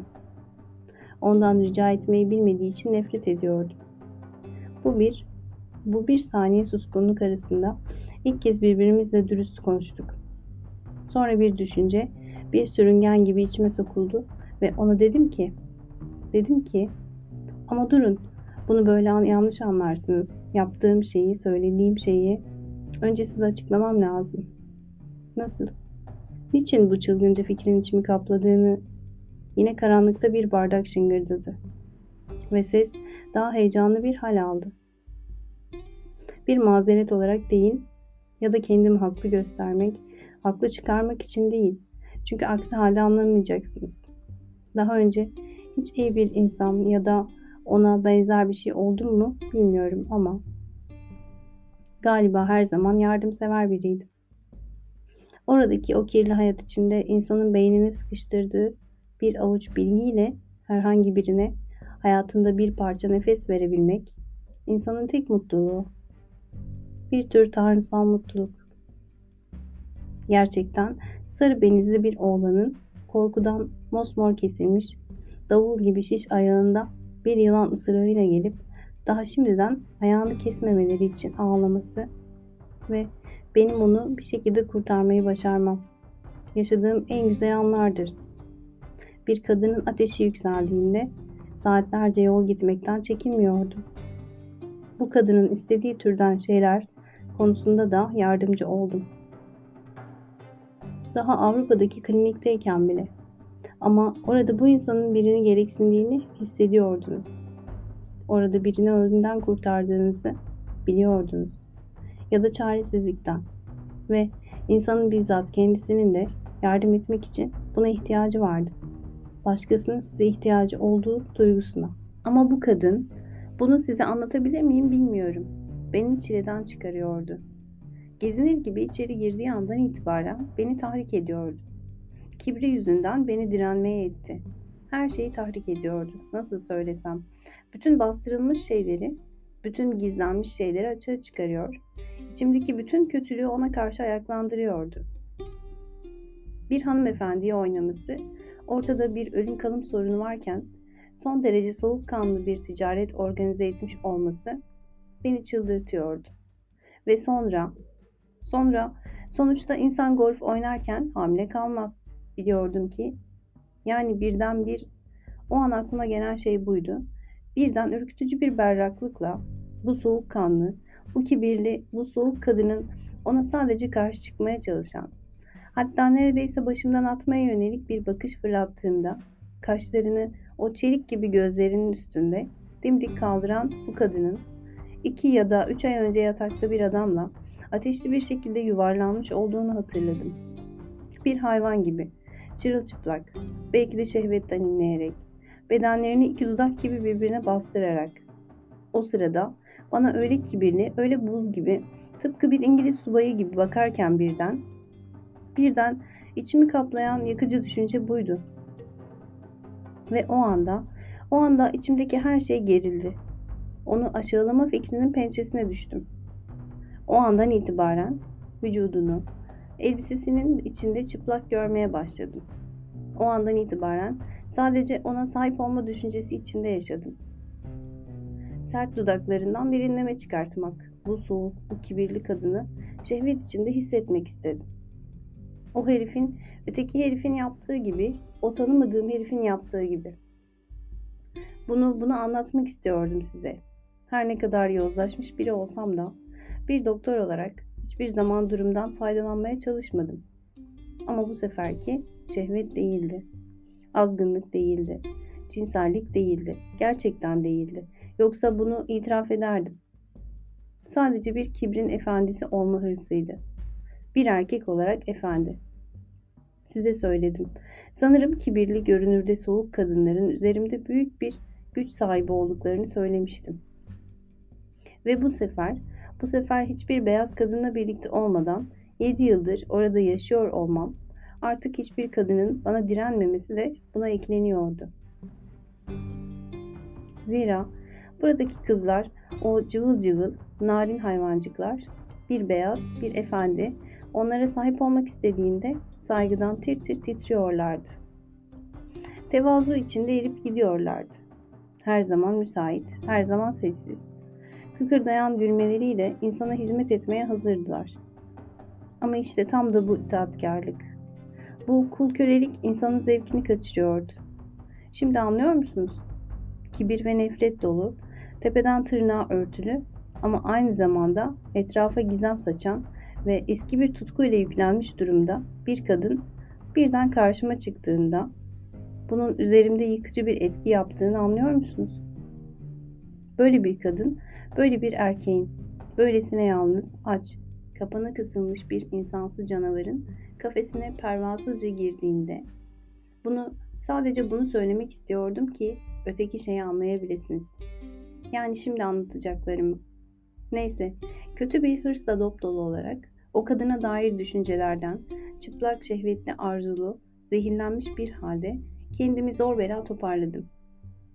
Ve sahte bir umursamazlığa büründüm. Sakin bir sesle 12 bin gulden mi dedim. Hayır bunun karşılığında o işi yapmam. Bana baktı. Yüzü biraz solgundu. Onu reddetmemin para hırsıyla ilgili olmadığını hissetmiş olmalıydı. Ama yine de o halde ne istiyorsunuz diye sordu. Soğukkanlı ses tonunu daha fazla sürdürmedim. Kartlar açık oynuyoruz. Ben tüccar değilim. Ben Romeo ve Juliet'teki karşılığında zehir satan fakir eczacı değilim. Ben belki de bir tüccarın tam tersiyim. Bu yolla arzularınızın gerçekleştiğini göremeyeceksiniz. Yani yapmak istemiyorsunuz. Para karşılığında değil. Bir saniye boyunca aramızda derin bir sessizlik oldu. Öyle bir sessizlikti ki ilk kez kadının nefes alışlarını duyuyordum. Başka ne isteyebilirsiniz ki? Artık kendimi tutamadım. Öncelikle sizin sizin benimle bir hırdavatçı ile konuşur gibi değil, bir insanla konuşur gibi konuşmanızı arzu ediyorum. Sizin şayet yardıma ihtiyacınız varsa hemen hemen o çirkin paranızda konuya girmemenizi, tersine rica etmenizi, benden, insandan, size insana yardım rica etmenizi, ben sadece doktor değilim. Benim sadece vizite saatlerim yok. Başka saatlerim de var.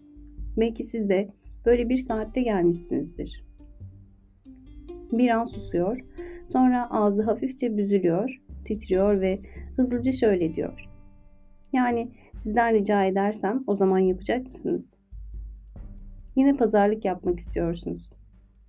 Sadece önceden söz verirsem rica edeceksiniz. Önce benden rica etmeniz gerekiyor. Sonra size cevap vereceğim. İnatçı bir at gibi başını geriye atıyor, öfkeyle bana bakıyor. Hayır, sizden rica etmeyeceğim. Ölmeyi tercih ederim. O anda içim bir öfke kaplıyor, o kırmızı, anlamsız öfke. O zaman ben talep edeceğim. Eğer rica etmek istemezseniz. Sanırım çok açık olmama gerek yok. Sizden arzuladığım şeyi biliyorsunuz. O zaman, o zaman size yardım edeceğim. Birden gözlerini dikip bana baktı. Sonra ah yapamam, ne kadar korkunç olduğunu anlatamam. Sonra hatları gerildi ve sonra, sonra birden başladı. Anlatılmaz bir küçümsemeyle suratıma gülüyordu. Beni toz duman eden bir küçümsemeyle. Aynı zamanda beni sarhoş da eden. Bir patlama gibiydi. Öylesine ani, öylesine şiddetli. Bu küçümseyici gülüşün muazzam gücüyle öylesine güçlü bir patlama oldu ki o an. Evet o an yere kapanabilir ve ayaklarını öpebilirdim. Sadece bir saniye sürdü. Bir yıldırım gibiydi ve bütün vücudumu alevler sarmıştı. O sırada kadın arkasını dönmüş ve aceleyle kapıya doğru yürümeye başlamıştı. İstemsizce arkasından gitmek istedim. Özür dilemek, ona yalvarmak. Ama bütün gücüm tükenmişti. O sırada kadın bir kere daha döndü ve şöyle dedi. Hayır şöyle. Sakın beni takip etmeye ya da hakkımda araştırma yapmaya kalkmayın. Pişman olursunuz. Ve kapıyı arkasından çarpıp çıktı. Yine bir duraksama, yine bir suskunluk. Yine sadece o hışırtılar ay ışığı akıyormuş gibi. Ve derken yine konuşmaya başlayan ses. Kapıyı çarptı ama ben olduğum yerde kıpırdamadan durdum. Verdiği emirden adeta hipnotize olmuştum. Onun merdivenlerden indiğini duydum. Sonra binanın kapısını kapattığını, her şeyi duydum ve bütün iradem peşinden gitmeye zorluyordu beni. Onu, ne bileyim, geri çağırmaya zorluyordu. Ya da dövmeye ya da boğmaya ama peşinden, peşinden. Ama yapamadım. Organlarım elektrik çarpmasına maruz kalmış gibi adeta felç olmuştu. Vurulmuştum işte. O bakışın buyurgan yıldırımı iliklerime kadar işlemişti. Bilmiyorum. Bu açıklanamaz, anlatılamaz. Kulağa gülünç gelebilir ama orada öylece durdum, durdum.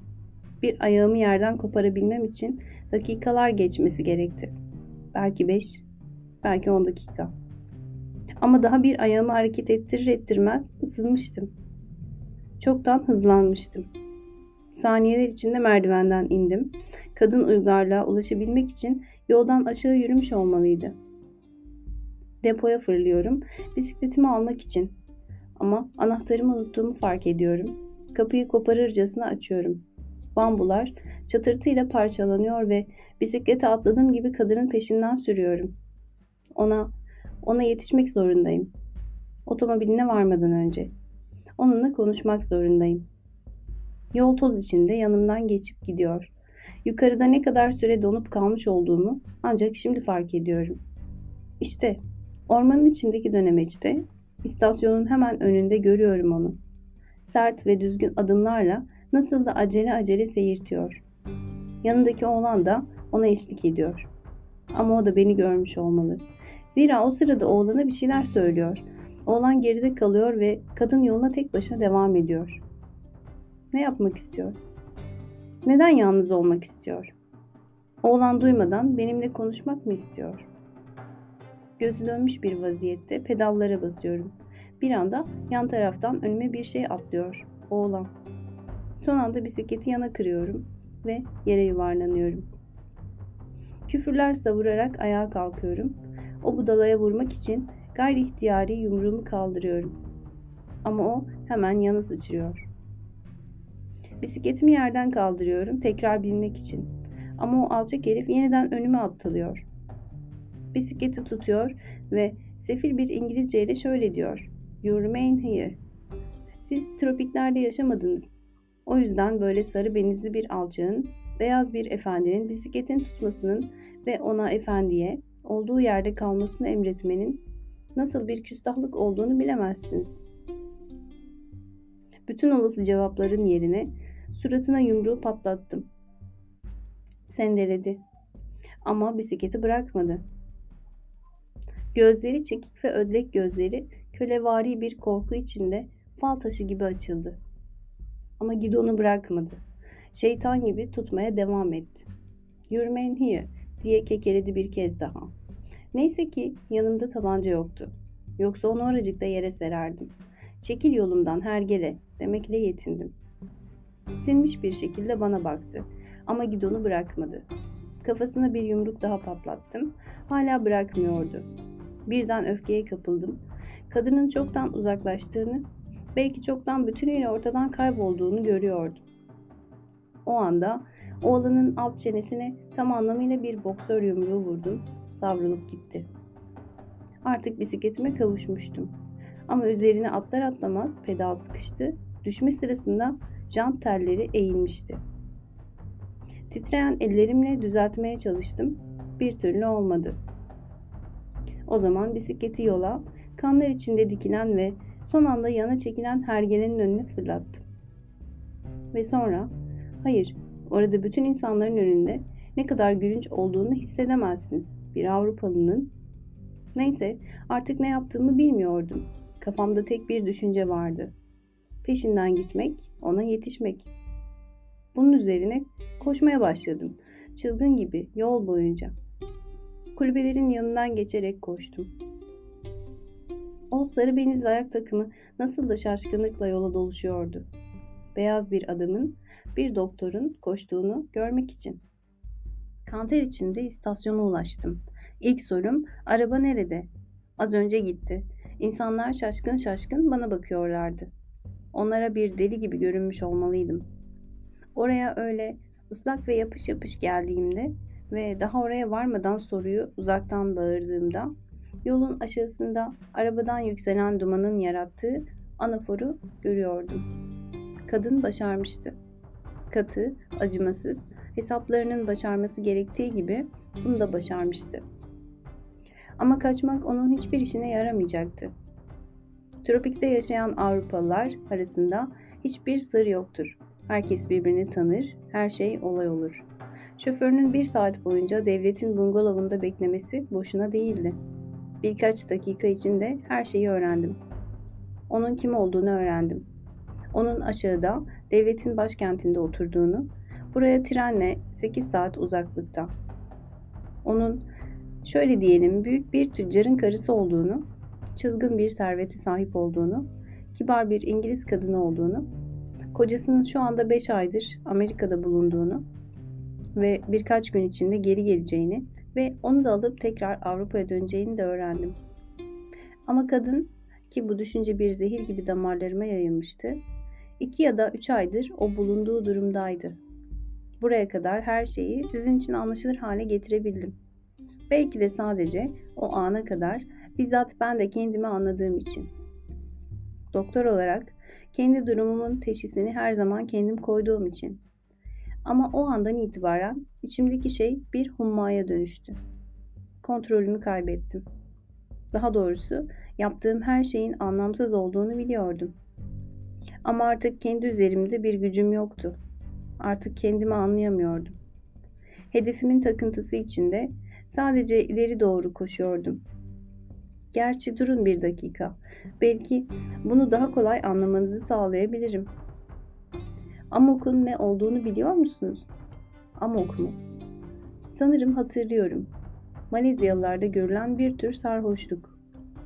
Bu sarhoşluktan daha fazla bir şey. Bu delilik, bir tür insan kudurması. Ölümcül, anlamsız bir saplantının krize dönüşmesi hali. Bunu da başka hiçbir alkol zehirlenmesiyle kıyaslayamazsınız. Orada kaldığım süre içinde bizzat ben de birkaç vakayı inceleme fırsatı buldum. Söz konusu başkalarının derdi olunca nasıl da hep daha zeki ve daha nesnel oluruz. Ama kaynağının korkunç gizemini ortaya çıkarmayı başaramadım. Bir şekilde iklimle ilgisi var. Ani bir patlama noktasına gelinceye kadar sinirler üzerinde bir fırtına gibi baskı yaratan o boğucu yoğun atmosferle. Sonuç olarak amok, evet amok şöyle bir şey. Bir Malezyalı son derece sade, son derece iyiliksever bir insan içkisini içiyor, orada öylece oturuyor, duygusuz, umursamaz, donuk, tıpkı benim odamda oturduğum gibi ve birden ayağa fırlıyor.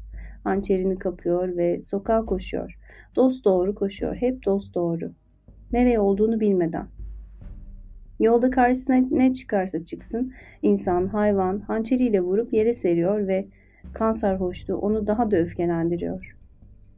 Koşan adamın ağzından köpükler saçılıyor, delirmiş gibi uluyor. Ama koşmaya devam ediyor, koşuyor, koşuyor. Artık ne sağa bakıyor ne de sola duruyor. Sadece tiz çığlığıyla, elinde hançeriyle öyle korkunç bir halde geriye doğru koşmaya devam ediyor. Köylerdeki insanlar bir amok koşucusunu hiçbir gücün durduramayacağını bilirler. Onun koşarak gelmekte olduğunu gördüklerinde herkesi uyarmak için bağırırlar. Amok, amok ve herkes kaçışır. Ama o koşmaya devam eder, hiçbir şey duymaz, sürekli koşar. Hiçbir şey görmez. Karşısına çıkan her şeyi yere yıkar. Ta ki biri onu kuduz bir köpek gibi vurup yere serene ya da kendiliğinden köpükler içinde yere yığılana kadar. Bir keresinde böyle bir şey görmüştüm. Bungalovumun penceresinden korkunçtu ama sırf onu görmüş olmam sayesinde o günlerde kendimi anlayabilmiştim. Zira tam öyle. Tam da o şekilde ileriye dikilmiş, korkunç bir bakışla sağa ya da sola bakmaksızın takıntılı bir şekilde koşmaya başlamıştım. O kadının arkasından. Her şeyi nasıl yaptığımı artık hatırlayamıyorum. O delice koşu, o anlamsız hız içinde her şey uçup gitti. O kadın hakkında her şeyi, adını, evini, yazgısını öğrendikten 10 dakika, hayır 5, hayır 2 dakika sonra hemen yeni bir bisiklet ödünç alıp hızlıca eve döndüm. Bavula bir takım elbise koydum, yanıma para aldım ve bir arabayla tren istasyonuna gittim. Bölge sorumlusuna haber vermeden, yerime bakacak birini ayarlamadan, evi açık ve her şey olduğu gibi bırakarak. Etrafımı uşaklar sarmıştı. Kadınlar merak içindeydi ve soruyorlardı. Cevap vermiyordum. Arkama dönüp bakmadım. Arabayı tren istasyonuna sürdüm ve ilk trenle şehre doğru yola çıktım. Bütün bunlar bir saat sürmüştü. Kadının benim odama girişinden itibaren varoluşumu geride bırakmış ve boşta doğru bir amok koşusuna başlamıştım. Dost doğru koşuyordum, dolu dizgin. Akşam saat 6'da vardım 6'yı 10 gece kadının evindeydim. Ve geldiğimi haber vermelerini söyledim. Bu bir, anlarsınız işte, yapabileceğim şeylerin en anlamsızı, en aptalcasıydı. Ama işte ama koşucusu boş gözlerle koşar, nereye koştuğunu görmez. Hizmetçi birkaç dakika sonra geri geldi. Kibar ve mesafeliydi. Saygıdeğer hanımefendi kendini iyi hissetmiyordu ve beni kabul edemezdi. Sendeleyerek kapıdan çıktım. Bir saat boyunca evin etrafında dolandım. Çılgınca gülünç bir umuda kapılmıştım. Kim bilir belki beni arar diye. Sonra gidip önce sahildeki otelde kendime bir oda tuttum. İki şişe viski alıp odama çıktım. Bunlar ve iki doz veronal işe yaradı. En sonunda uykuya dalabildim. Bu boğucu, vıcık vıcık uyku, hayat ile ölüm arasındaki bu koşuda verilen tek molaydı. Geminin çanı çaldı. İki sert, dop dolu vuruş, neredeyse kıpırtısız havanın yumuşak gölünde bir süre titreyerek yankılandı. Ve sonra omurganın altında, heyecanlı konuşmaların arasında ısrarla, aralıksız sürmekte olan hafif hışırtının içinde kaybolup gitti.'' Karanlıkta karşımda konuşmakta olan adam çan sesinden ürkmüş olmalıydı. O sırada konuşması kesilmişti. Elin yine şişelerin üzerinde dolaştığını duydum. Ve yine o hafif yudumlama seslerini. Sonra adeta sakinleşerek daha oturaklı bir sesle konuşmaya başladı. O andan sonraki saatleri size pek anlatamam. Şimdi düşünüyorum da sanırım o sırada ateşim yükselmişti. En azından delirmenin eşiğine gelen aşırı bir tür gerginlik vardı üzerimde. Dediğim gibi bir amok koşucusuydum. Ama unutmayın, oraya vardığımda salı akşamıydı. Cumartesi günü. Bu arada bunu da öğrenmiştim. Kadının kocası Paul gemisiyle Yokohama'dan gelecekti. Yani geriye üç gün kalıyordu. Karar vermek ve yardım etmek için üç kısa gün. Bunu anlıyor musunuz? Ona bir an önce yardım etmek zorundaydım. Ama onunla tek bir kelime bile konuşamıyordum. Özellikle de ondan yaptığım gülünç, delice hareket için özür dileme ihtiyacı beni kamçılayıp duruyordu. Her anın değerini biliyordum. Kadın için bunun bir ölüm kalım meselesi olduğunu biliyordum. Ama gel gelelim ona sadece bir fısıltıyla, bir işaretle ulaşacak kadar bile yaklaşmam mümkün değildi. Çünkü tam da peşinden yaptığım koşudaki budalılık ve şiddet onu ürkütmüştü. Bu bir, evet bir dakika.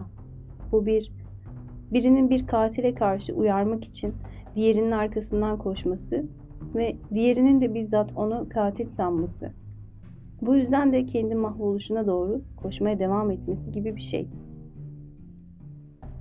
Kadın sadece bendeki amok koşucusunu görüyordu. Onu küçük düşürmek için peşinden gelen birini. Ama ben işte o korkunç çelişki tam da burada yatıyordu. Artık bunu hiç düşünmüyordum. Çünkü zaten mahvolmuş biriydim. Ben sadece yardım etmek istiyordum. Ona hizmet etmek istiyordum. Bir cinayet işleyebilirdim. Bir suç işleyebilirdim ona yardım edebilmek için. Ama o, o bunu anlamıyordu. Sabah uyandığımda ve hemen yine kadının evine koştuğumda o oğlan kapıda duruyordu. Suratını dağıttığım oğlan. Beni uzaktan gördüğü gibi beni beklemiş olmalıydı. Kapıdan içeri koştu. Bunu belki geldiğimi gizlice haber vermek için yapmıştı. Belki de. Ah şu belirsizlik. Nasıl da eziyet ediyordu şimdi bana. Belki de her şey beni kabul etmek için şu an hazır bekliyordu. Ama orada onu görür görmez bir gün önce yaptığım rezaleti hatırladım. İşte yine oradaydım. Ziyarete bir kere daha cesaret edemeyen adam olarak. Dizlerim titriyordu. Kapıyı aramak kala geri döndüm ve tekrar uzaklaştım. Uzaklaştım. Belki de kadın benzer bir acıyla beni orada beklemekteyken. Şimdi topuklarımda alev alev yanan yabancı bir şehirde ne yapacağımı bilmiyordum. Birden bir şey hatırladım. Anında bir taksi çağırmıştım bile. Bir keresinde kliniğimde yardımcı olduğum başkan yardımcısına gittim ve kapıda kendisiyle görüşmek istediğimi bildirdim. Dış görünüşümde tuhaf bir şey olmalıydı. Zira başkan yardımcısı bana adeta ürkmüş bir bakışla baktı. Kibarlığında da insanı tedirgin eden bir şey vardı. Belki de içimdeki amok koşucusunu çoktan fark etmişti. Onunla kısa ve kararlı konuştum. Beni bu şehre atamasını rica ettim. Bulunduğum yerde daha fazla yaşayamayacağımı söyledim. Bir an önce oradan taşınmak zorundaydım. Bana baktı. Bana nasıl baktığını size anlatamam. Doktorun hastasına baktığı gibi bir bakıştı bu. Bir sinir krizi, sevgili doktor, dedi sonra. Bunu çok iyi anlıyorum. Pekala, bu bir şekilde halledilecek. Ama durun. Dört hafta içinde diyelim. Önce yerinize birini bulmak zorundayım. Bekleyemem bir gün bile diye yanıtladım. Yine o tuhaf bakış geldi. Olmak zorunda doktor dedi ciddi bir ses tonuyla. Kliniği doktorsuz bırakamayız. Ama bütün işlemleri bugün başlatacağıma söz veriyorum. Dişlerim sıkılı bir şekilde olduğum yerde duruyordum. İlk defa satılmış bir insan, bir köle olduğumu açık bir şekilde fark ediyordum. İçimdeki her şey toplanıp katı bir inada dönüşmüştü. Ama o, o esnek adam benden önce davrandı. Siz insanlara yabancılaşmışsınız doktor. Bu da eninde sonunda bir hastalığa dönüşür. Buraya daha önce hiç gelmemiş olmanıza, hiç izni çıkmamış olmanıza hepimiz şaşırmıştık. Sizin daha çok insana, daha çok heyecana ihtiyacınız var. En azından bu akşam gelin. Bugün hükümet binasında davetimiz var. Bütün koloniyi orada bulursunuz. Bazıları çoktandır sizinle tanışmak istiyordu. Sık sık sizi soruyorlardı ve buraya gelmenizi arzu ediyorlardı. Son söylediği ilgimi çekmişti. Beni soruyorlardı demek. Acaba soranlardan biri de o muydu? Birden başka biri olmuştum. Hemen davet için son derece kibar bir şekilde teşekkür ettim ve tam vaktinde orada olacağıma söz verdim. Ve dakiktim. Gereğinden fazla dakiktim. Size özellikle söylemek zorundayım. İçimdeki sabırsızlığın dürtüsüyle hükümet binasının büyük salonuna ilk gelen kişi ben olmuştum. Etrafta suskun, sarı benizli hizmetçiler vardı. Çıplak ayaklarıyla yaylana yaylana oradan oraya sekiyorlardı. Ve şaşkın bilincimle bana öyle geliyordu ki arkamdan bana gülüyorlardı. Bütün o sessiz hazırlıklar ortasında 15 dakika boyunca orada bulunan tek Avrupalı bendim. Öylesine yapayalnızdım ki yeleğimin cebindeki saatin tiktaklarını duyuyordum.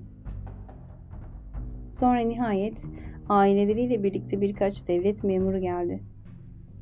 En sonunda da vali. Kendisi beni uzun bir konuşmanın içine çekti. Kanunca oldukça akıcı ve şık cevaplar veriyordum.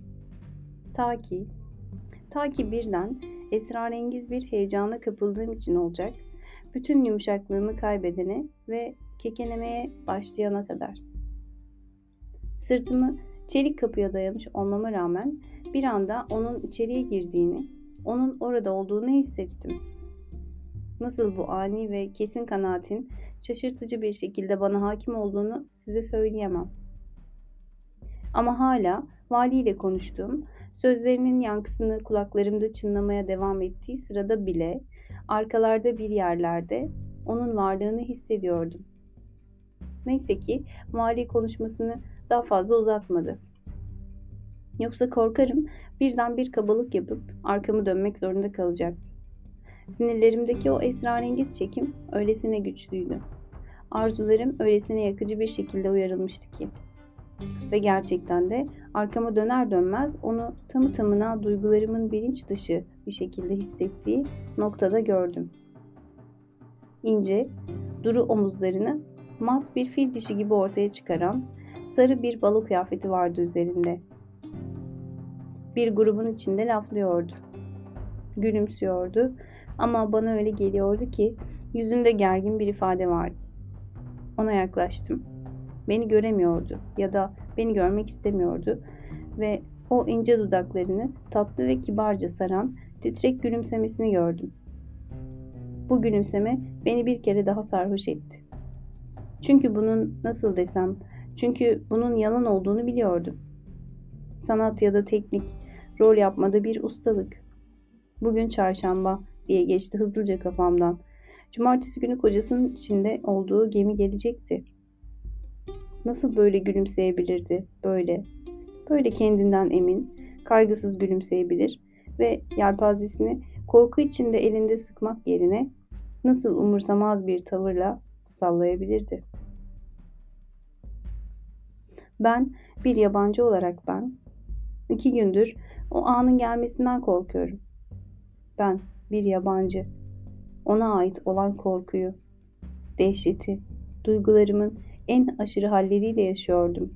Ama o baloya gidiyor ve gülümsüyor, gülümsüyor, gülümsüyordu. Arka tarafta müzik başladı. Dans zamanıydı. Yaşlıca bir subay onu dansa davet etti. Özür dileyerek lafladığı gruptan ayrıldı ve adamın kolunda öteki salona doğru gitti. Benim yanımdan geçerek Beni görür görmez birden yüzü şiddetli bir şekilde kasıldı. Ama sadece bir saniye sürdü bu. Sonra kibar bir baş hareketiyle tanıdığını belirtir bir şekilde ben onu selamlayayım mı, selamlamayayım mı diye henüz karar vermemişken tesadüfen karşılaştığı bir tanıdıkmışım gibi selamladı. İyi akşamlar doktor dedi ve dediği anda geçip gitti. Bu gri yeşil bakışta nelerin gizli olduğunu hiç kimse sezemezdi. Ve bunu ben ben bile bilmiyordum. Neden selam vermişti? Neden şimdi beni birdenbire tanımıştı? Araya mesafe koymak için miydi? Yakınlaşmak için miydi? Sadece bir sürprizle karşılaşmanın verdiği şaşkınlık mıydı? Orada nasıl bir heyecan içinde kala kaldığımı size anlatamam. İçimdeki her şey ayağa kalkmış, iyice sıkışıp patlayacak hale gelmişti. Onu orada, subayın kollarında alnında kayıtsızlığın soğuk pırıltısıyla kaygısızca vars yaparken izlediğim sırada biliyordum ki o da o da sadece benim de düşündüğüm aynı şeyi düşünüyordu. Burada ikimizin korkunç bir sırra ortak olan iki kişi olduğumuzu. Ama o vals yapıyordu. O dakikalarda korkum, arzum, hayranlığım her zamankinden daha tutkulu hale gelmişti. Herhangi bir kişinin beni izleyip izlemediğini bilmiyordum. Ama benim davranışlarımla onun gizlediklerinden çok daha fazla şeyi ele verdiğim kesindi. Mesela ben başka hiçbir yöne bakamıyordum. Onu izlemeye mecburdum. Evet mecburdum. Onun kapalı yüzünü acaba maske bir saniyeliğine düşer mi diye uzaktan emiyor, hatta çekip koparıyordum. O dik bakışlarımdan rahatsızlık duymuş olmalıydı. Dans partnerinin kolunda bir adım geri attığı sırada bir an bana yıldırım hızıyla baktı. Hem keskin bir emir içeren hem de kendinden uzaklaştıran bakışla. Yine alnındaki daha önceden tanıdığım mağrur öfkesinin o küçük kıvrımı hiddetle gerilmişti. Ama ama size söyledim ya ben amok koşuyordum. Sağa bakmıyordum, sola bakmıyordum. Kadın hemen anladım. Bu bakışın anlamı dikkatleri üzerine çekme. Kendini dizginle. Onun nasıl desem burada herkesin içinde mahremiyetimizi açığa vurmamamı istediğini biliyordum. Eğer şimdi eve gidersem yarın onun tarafından kabul edileceğim konusunda emin olabileceğimi anlamıştım. Onun şimdi sadece şimdi benim dikkat çekici samimiyetimden kaçınmak istediğini, ayrıca çok da haklı olarak beceriksizliğim yüzünden bir olay çıkmasından korktuğunu anlamıştım. Görüyorsunuz, her şeyi biliyordum. O emredici gri bakışı anlamıştım ama ama içimdeki şey çok güçlüydü. Onunla konuşmak zorundaydım. Böylece sallana sallana sohbet etmekte olduğu gruba yaklaştım. Ve içlerinden sadece birkaçını tanıdığım halde aralarına sokuldum. Sırf onu konuşurken duymak arzusuyla yaptım bunu. Ve yine de sanki ben yaslandığım keten kapı perdelerinden biriymişim gibi ya da kolayca hareket ettirdiği havaymışım gibi üzerimden geçip giden soğuk bakışlarından sakınmak için dayak yemiş bir köpek gibi büzülüyordum. Ama orada durmaya devam ettim. Bana söyleyeceği bir kelimeye susamış olarak, beni anladığını anlatan bir işarete susamış olarak duruyordum. Ve bakışlarımı konuşmaların arasında bir yere sabitlemiştim. Bir blok gibi. Bu mutlaka dikkat çekmiş olmalıydı. Mutlaka. Zira kimse tek bir kelime söylemedi bana ve kadın benim oradaki gülünç varlığımdan acı çekmiş olmalıydı. Orada öylece daha ne kadar kalırdım bilmiyorum. Belki sonsuza kadar. İrademin bu büyülenmişliğinden ne de olsa. Özellikle de öfkemin inatçılığı felç ediyordu beni. Ama kadın buna daha fazla dayanamadı. Birden varlığının o muhteşem hafifliğiyle beylere döndü ve şöyle dedi. Biraz yorgunum. Bugün bir defalığına yatağa erken gireyim. İyi geceler. Sonra da uzak, yabancı bir baş selamı vererek yanımdan geçip gitti. Alnındaki yukarı çekilmiş kıvrımı son anda görebildim. Ardından da daha çok sırtını, beyaz, soğuk, çıplak sırtını. Onun gitmekte olduğunu kavramam bir saniye kadar sürdü. Onu bir daha göremeyeceğimi, onunla bu son akşam, kurtuluşun bu son akşamında bir daha konuşamayacağımı kavramam bir saniye boyunca orada kas katı durmaya devam ettim. Ta ki kavrayıncaya. Sonra, sonra. Ama durun, durun. Yoksa davranışımın anlamsızlığını, aptallığını anlayamazsınız. Önce size bütün mekanı tasvir etmeliyim. Hükümet binasının büyük salonuydu. Tamamen ışıklarla aydınlatılmış ve neredeyse boş, muazzam bir salon. Çiftler dans etmeye gitmişti. Erkeklerse oyuna. Sadece köşelerde birkaç kişi çene çalıyordu. Yani salon boştu. Her hareket fark edilebilir ve parlak ışıkta görülebilir durumdaydı. Ve bu büyük, geniş salonda yavaş adımlarla ve yüksek omuzlarıyla yürüyordu kadın. O anlatılamaz tavırlarıyla ara sıra birbirine selam vererek ve ondaki beni mest eden o harika, donmuş, yüce sükuneti. Ben, ben geride kalmıştım. Size söylemiştim ya, adeta felç olmuştum.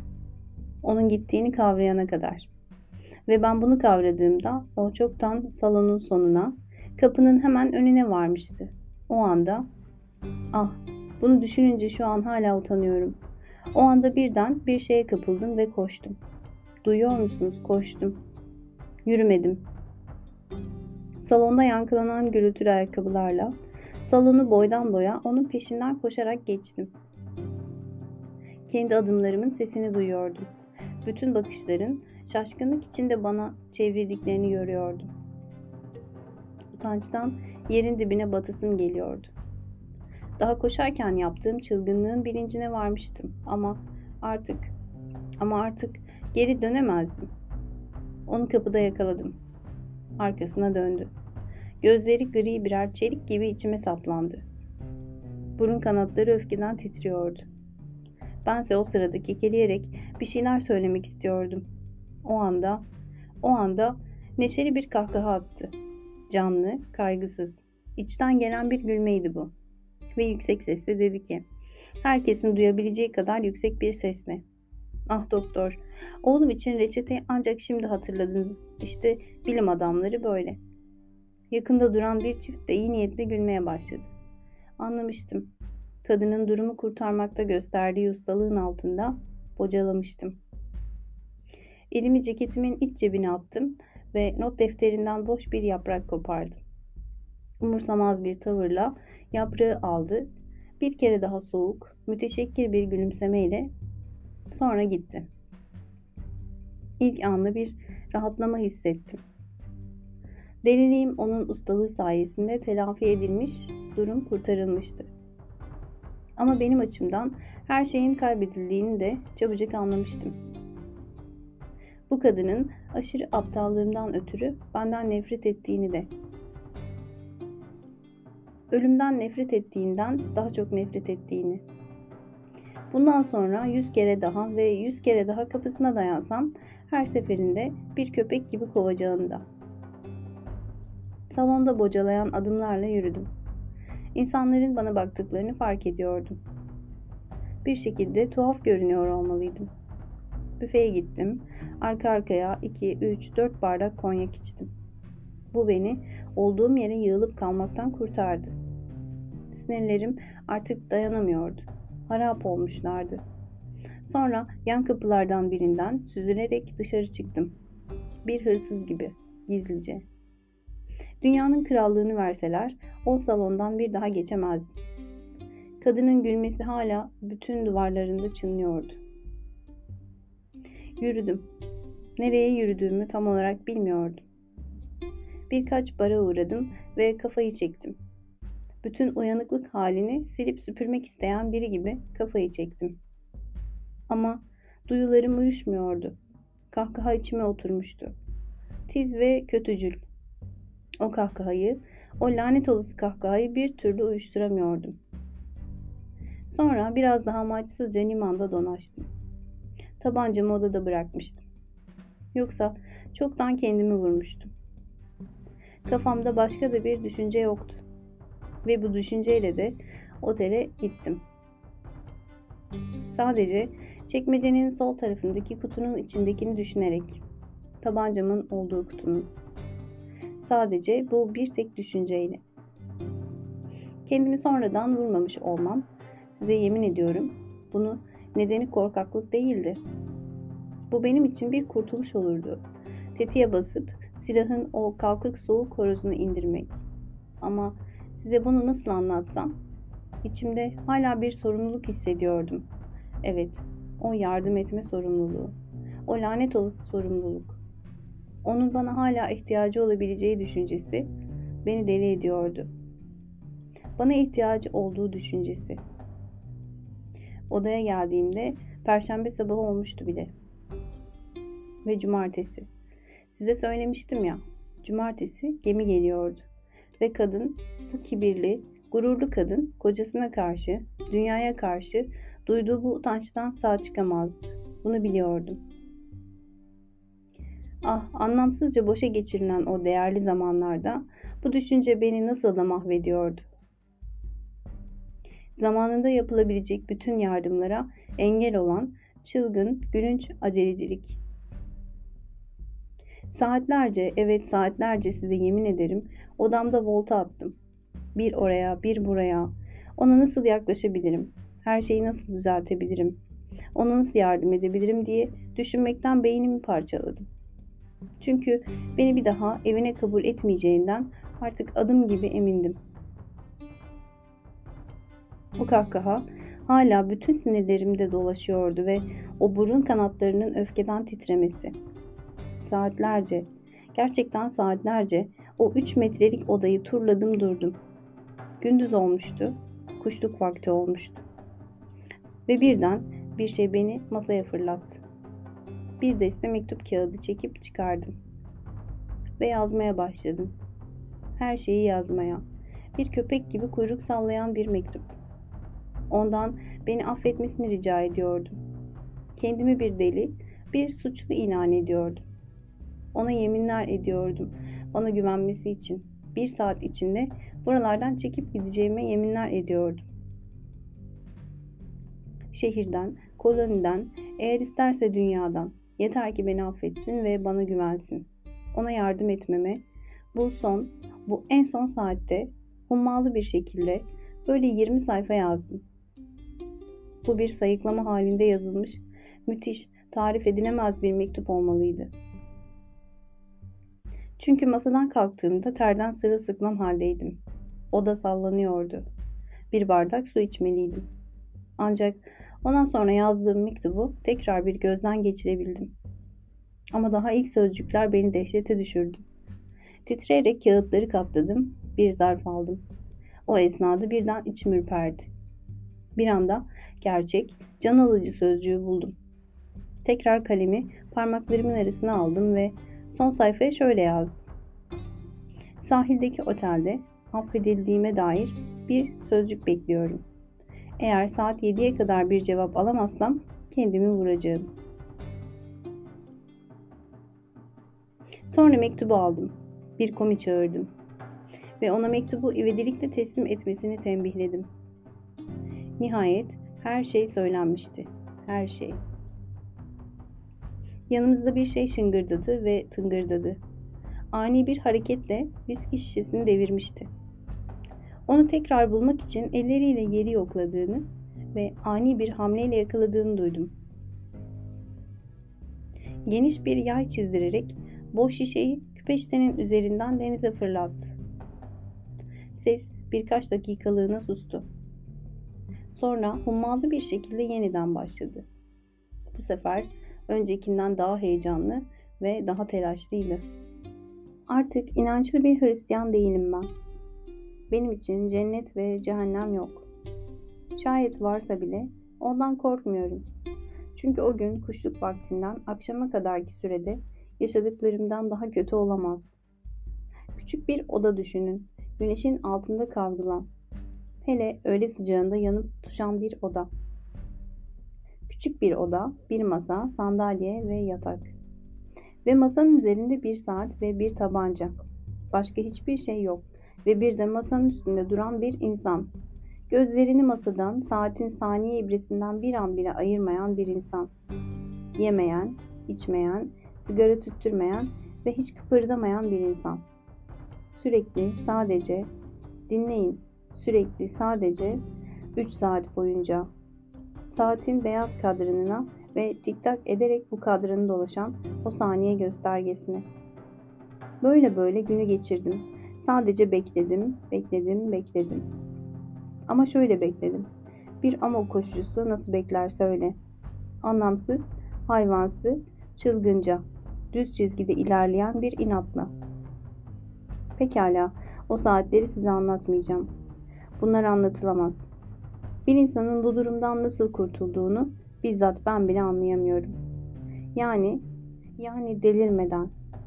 Neyse, saat 3'ü 22 geçe. Bunu tam olarak biliyorum çünkü gözlerim saatten ayırmıyordum. Birden kapıya vuruluyor. Yerimden sıçrıyorum. Bir kaplanın avına atlaması gibi atlıyorum. Bir hamlede odayı aşıp kapıya ulaşıyorum. Koparırcasına çekip açıyorum. Kapının önünde korkmuş, küçük bir Çinli çocuk var. Elinde katlanmış bir pusula tutuyor. Ben kağıdın üzerine hırsla atlarken o da fırlayıp gidiyor ve gözden kayboluyor. Pusulayı yırtarcasına açıyorum. Onu okumak istiyorum ama onu okuyamıyorum. Gözlerimin önünde kırmızı bir karartı var. Acıyı düşünebiliyor musunuz? Nihayet, nihayet ondan bir söz var elimde ve her şey şimdi göz bebeklerimin önünde titriyor ve dans ediyor. Kafamı suya sokuyorum. Şimdi daha berrak görüyorum. Pusulayı tekrar alıyorum ve okuyorum. Çok geç ama siz orada bekleyin. Belki sizi ararım. Eski bir broşürden koparılmış o kırış kırış kağıt parçasında imza yok. Aceleci, karman çorman, kurşun kalem hareketleriyle yazılmış ama aslında düzgün olduğu belli olan bir yazı. O kağıt parçasının beni neden bu kadar sarstığını bilmiyorum. İçinde dehşet verici, gizemli bir şey vardı. Sanki bir kaçış sırasında yazılmış gibiydi. Durup bir pencere pervazında ya da hareket halindeki bir araçta. O esrarlı kağıt parçasından ruhuma vuran soğuk bir şey vardı. Korkudan, nefretten, dehşetten oluşan tarifsiz bir şey. Ama ama ben mutluydum. Kadın bana yazmıştı. Ölmek zorunda değildim artık. Ona yardım edebilirdim. Ve belki ah delice varsayımların ve umutların içinde tamamen kendimi kaybetmiştim. Yüz kere, bin kere okudum o küçük kağıt parçasını. Öptüm onu. Gözden kaçmış, unutulmuş bir sözcük kalmış mı diye enine boyuna inceledim. Hayallerim giderek derinleşti. Karmaşıklaştı. Açık gözlerle gerçekleşen hayaller içinde bir uyku durumu. Bir tür felç. Uykuyla uyanıklık arasında tamamıyla cansız ama hareketli de bir hal.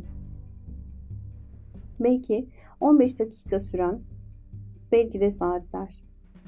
Birden korkuyla yerimden sıçradım. Kapı çalınmamış mıydı? Nefesimi tuttum. Bir dakika, iki dakika, hareketsiz sessizlik. Ve sonra tekrar son derece hafif bir tıkırtı. Sanki bir fare bir şeyler kemiriyor gibi. Sessizce ama şiddetli darbeler. Yerimden fırladım. Hala sendeliyordum. Hızlı kapıyı açtım. Dışarıda bir oğlan duruyordu. Onun oğlanı. Geçenlerde yumruğumla ağzını dağıttığım oğlan. Kahverengi yüzü solgundu. Şaşkın bakışları mutsuzluk anlatıyordu. O anda korkunç bir şey hissettim. Ne? Ne oldu diyebildim kekeleyerek. Kam kuyukli dedi. Başka hiçbir şey söylemedi. Hemen merdivenlere koştum. Oğlan da peşimden geldi. Bir sado. Yani küçük bir araba hazır bekliyordu. İçine bindik. Neler oldu diye sordum oğlana. Titreyerek bana baktı. Dudaklarını ısırarak susmaya devam etti. Tekrar sordum. Susuyor ve susmaya devam ediyordu. Yine yumruğumla suratına vurmayı çok isterdim ama onun kadını olan bu köpekçe sadakati içime dokunmuştu. Artık sormaktan vazgeçtim.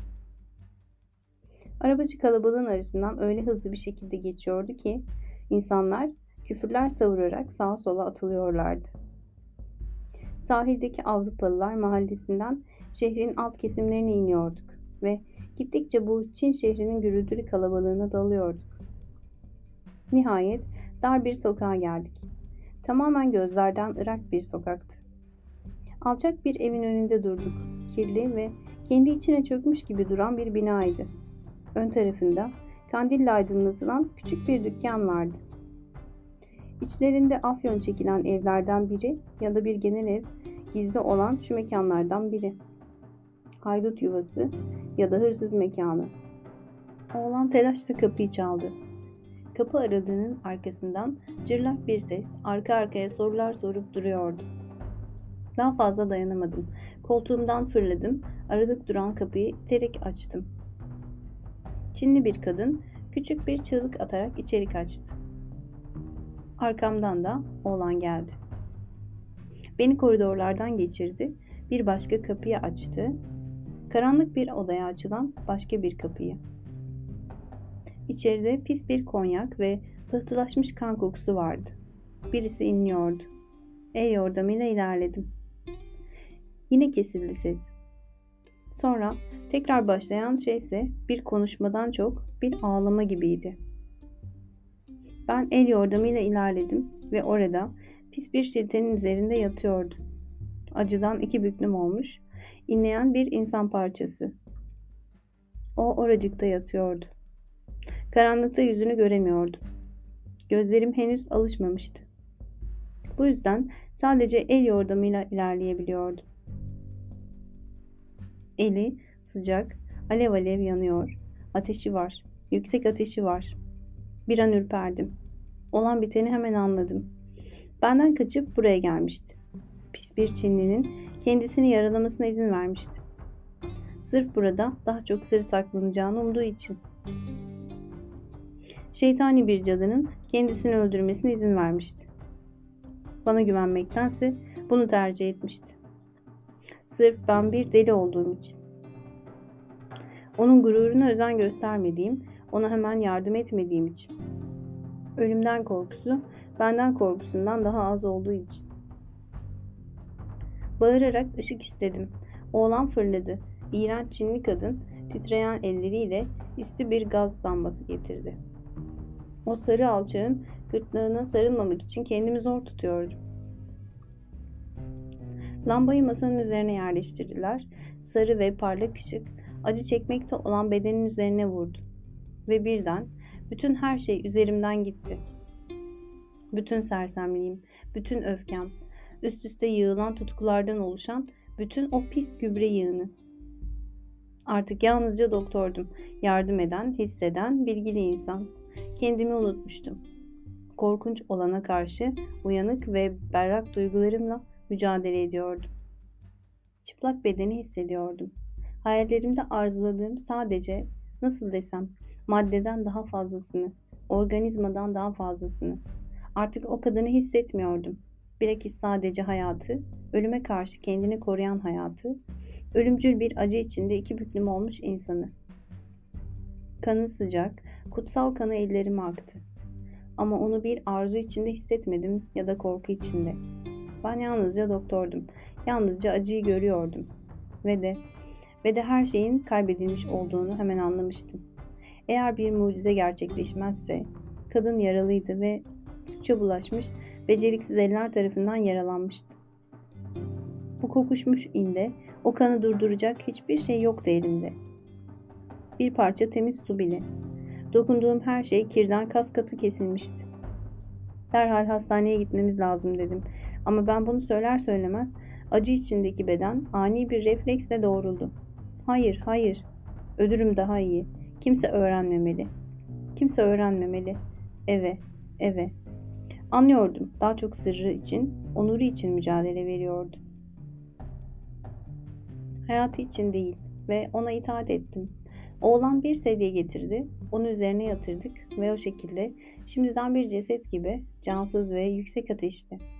Onu gecenin içinden geçirerek taşıdık. Eve götürdük. Soran gözlerle bakan korkmuş hizmetçileri oradan defederek hırsızlar gibi onu odasına taşıdık ve kapıları kilitledik.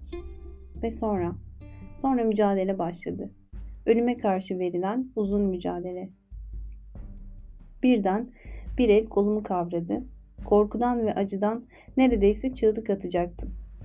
Karanlıkta yüzü bana bir anda korkutucu bir şekilde yakınlaşmıştı. Aniden beliren beyaz dişlerini görüyordum. Ay ışıklarını solgun bir şekilde yansıtan ve iki büyük kedi gözü gibi ışıldayan göz bebeklerini görüyordum. Şimdi artık konuşmuyordu. Bağırıyordu, inleyen bir öfkeyle sarsılarak. Siz biliyor musunuz ki? Siz, yabancı insan, burada bir şezlongda rahat rahat oturan dünyayı gezen bir yolcu olarak. Siz hiçbir bedenin iki büklüm olduğunu gördünüz mü? Morarmış tırnakların boşluğu kavrayışını, gırtlaktan çıkan hırıltıları, her bir organın kendini savunuşunu, her bir parmağın korkunç olana karşı direnişini ve gözlerin kelimelerle anlatılamayacak bir dehşet içinde açılışını. Hiç böyle bir şey yaşadınız mı? Siz avare insan, siz dünya gezgini, siz yardım etmekten bir sorumluluk olarak söz eden siz. Bunu sık sık gördüm bir doktor olarak. Çok gördüm. Bir klinik vaka olarak, bir olgu olarak. Bunu adeta derinlemesine inceledim. Ama bizzat kendim sadece bir kez yaşadım. Birlikte yaşadım, birlikte öldüm. Yalnızca işte o gecede. O korkunç gecede oturduğum ve akan, akan ve akan kana karşı. Gözlerimin önünde onu yakıp kavuran ateşe karşı bir şey öğrenebilmek için, bir şey bulmak için, bir şey yaratabilmek için beynimi parçaladığım gecede ölüme karşı giderek yaklaşan ve yataktan def etmeyi bir türlü başaramadığım ölüme karşı. Anlıyor musunuz? Doktor olmak demek ne demek?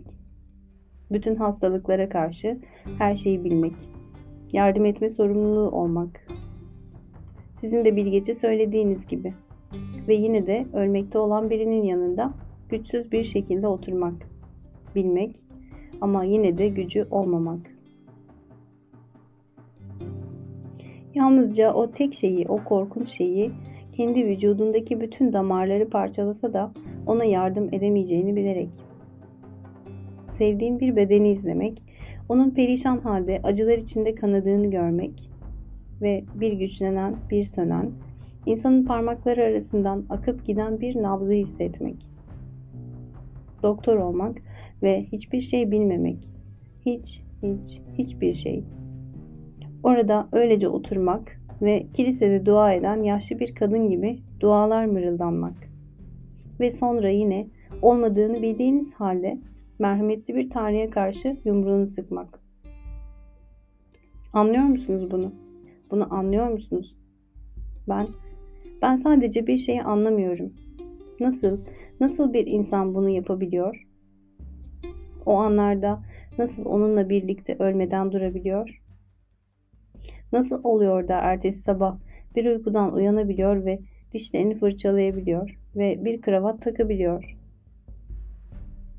O nefes uğruna çabaladığım, mücadele ettiğim, ruhumun bütün güçleriyle tutmak istediğim o ilk insan.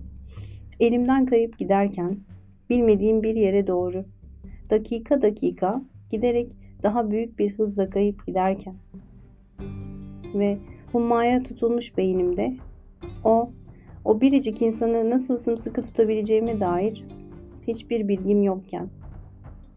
Benim hissettiklerimi yaşadıktan sonra nasıl oluyor da yaşamaya devam edilebiliyor?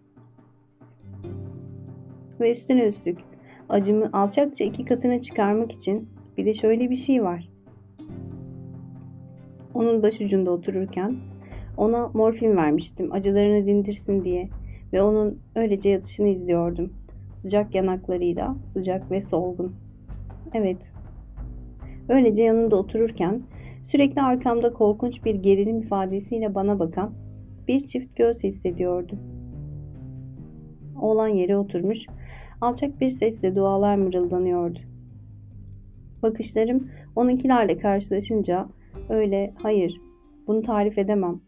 Öyle yalvaran, öyle o köpeksi bakışında öyle müteşekkir bir şey beliriyordu ki Aynı zamanda ellerini bana doğru kaldırıyordu. Sanki onu kurtarmam için bana yalvarıyordu. Anlıyor musunuz? Bana. Bana doğru ellerini kaldırıyordu. Bir tanrıya dua için kaldırır gibi. Bana. Güçsüz, aciz insana her şeyi kaybettiğini. Burada zeminde koşuşturan bir karınca kadar gereksiz olduğunu bilen adama. Ah o bakış. Nasıl da içimi acıtıyordu. Sanatıma beslediği o körü körüne o hayvansı umut. Ona bağırabilir ve ona ayağımla tekmeleyebilirdim. Böylesine acı veriyordu bana. Ama kadına karşı olan sevgimizin, ortaklaşa sırrımızın bizi nasıl birleştirdiğini de hissediyordum. Pusuya yatmış bir hayvan, cansız bir yumak gibi. İki büklüm olmuş hemen arkamda oturuyordu. Bir şey isteyecek olsam daha ağzımdan çıkar çıkmaz çıplak sessiz ayaklarıyla fırlıyor ve titreyen elleriyle bana uzatıyordu. Beklentilerle dolu olarak aranan yardım buymuş gibi. Kurtuluşmuş gibi. Biliyordum. Onu kurtarmak için kendi damarlarını keserdi. O kadın böyle biriydi. İnsanlar üzerinde böyle bir gücü vardı. Ve benim bir parçacık kanı kurtaracak gücüm yoktu. Ah o gece, o korkunç gece. Yaşam ve ölüm arasında geçen o sonsuz gece. Sabaha karşı bir kez daha uyandı. Gözlerini açtı. Artık o kadar kibirli ve soğuk değillerdi. Adeta bir yabancı gibi odayı tararken yüksek ateşin verdiği nemli bir parlaklık vardı içlerinde. Sonra bana baktı, düşünüyor gibi görünüyordu. Yüzümü hatırlamak istiyor gibi ve birden bunu gördüm. Hatırladı. Çünkü bir korku, bir karşı koyma, bir düşmanca bir şeyle dehşetle gerildi yüzü. Kollarıyla çırpınmaya çalıştı.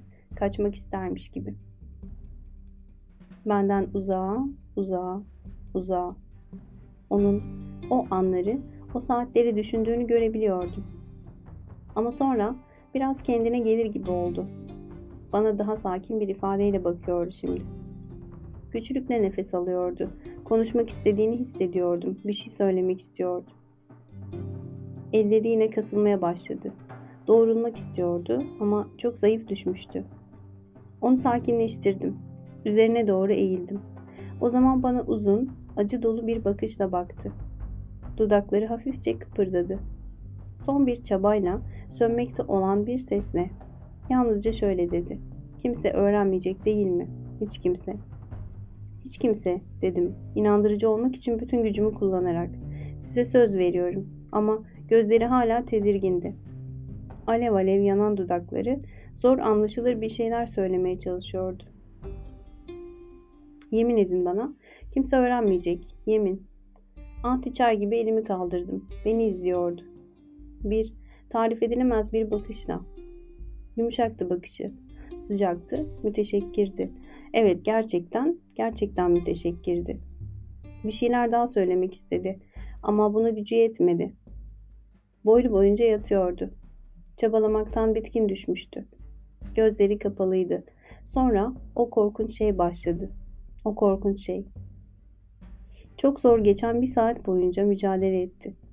Ve bu mücadele ancak sabaha karşı son buldu. Adam uzun süre sustu. Ancak orta güvertedeki çan sessizliğin içinde çınladığında fark ettim sustuğunu. Bir, iki, üç kez sertçe çaldı çan. Saat üç. Ay ışığı matlaşmıştı. Bir başka sarı aydınlık kararsızca titreşmeye başlamıştı havada. Ara ara meltemsi bir rüzgar uçuşuyordu. Yarım saat, bir saat sonra sabah oldu. Berrak bir ışıkla havadaki grilik dağıldı. Adamın yüz hatlarını şimdi daha belirgin görüyordum. Çünkü gölgeler bulunduğumuz köşeye artık o kadar yoğun ve koyu düşmüyordu.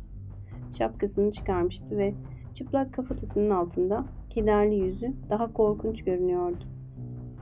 Ama parlak gözlük camları yeniden bana dönmüştü bile.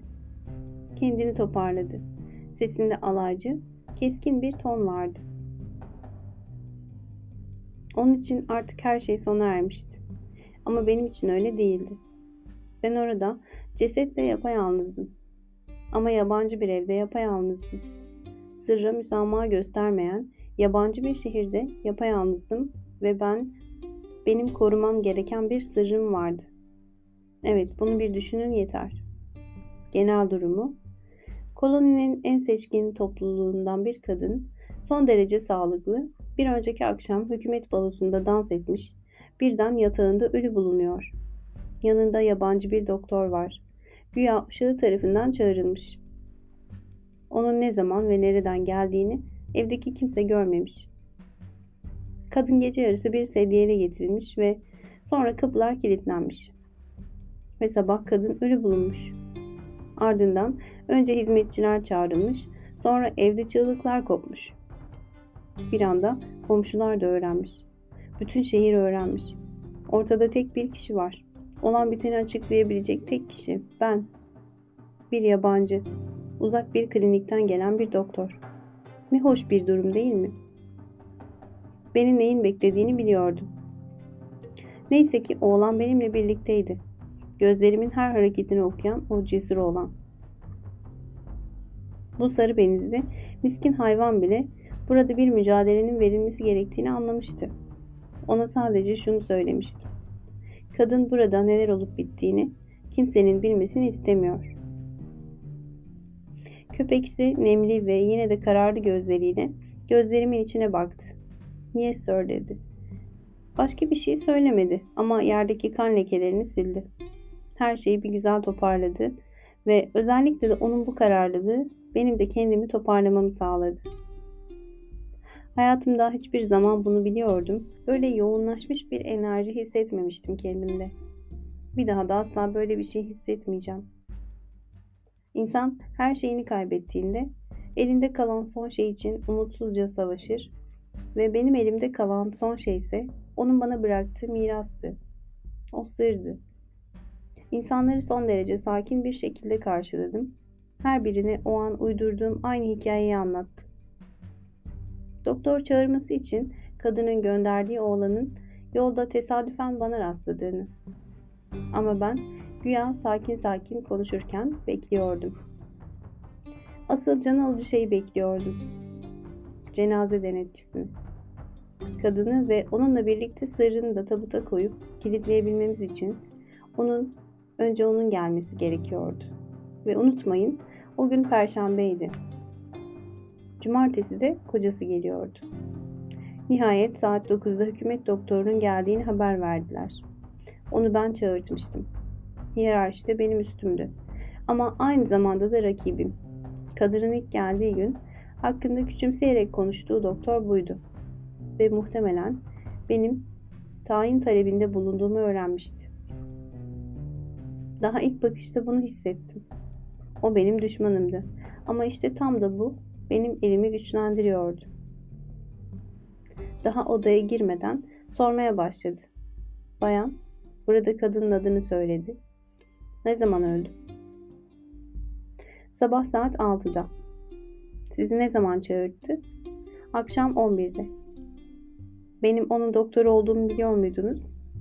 Evet ama bu acil bir durumdu ve ayrıca merhume özellikle beni istemişti.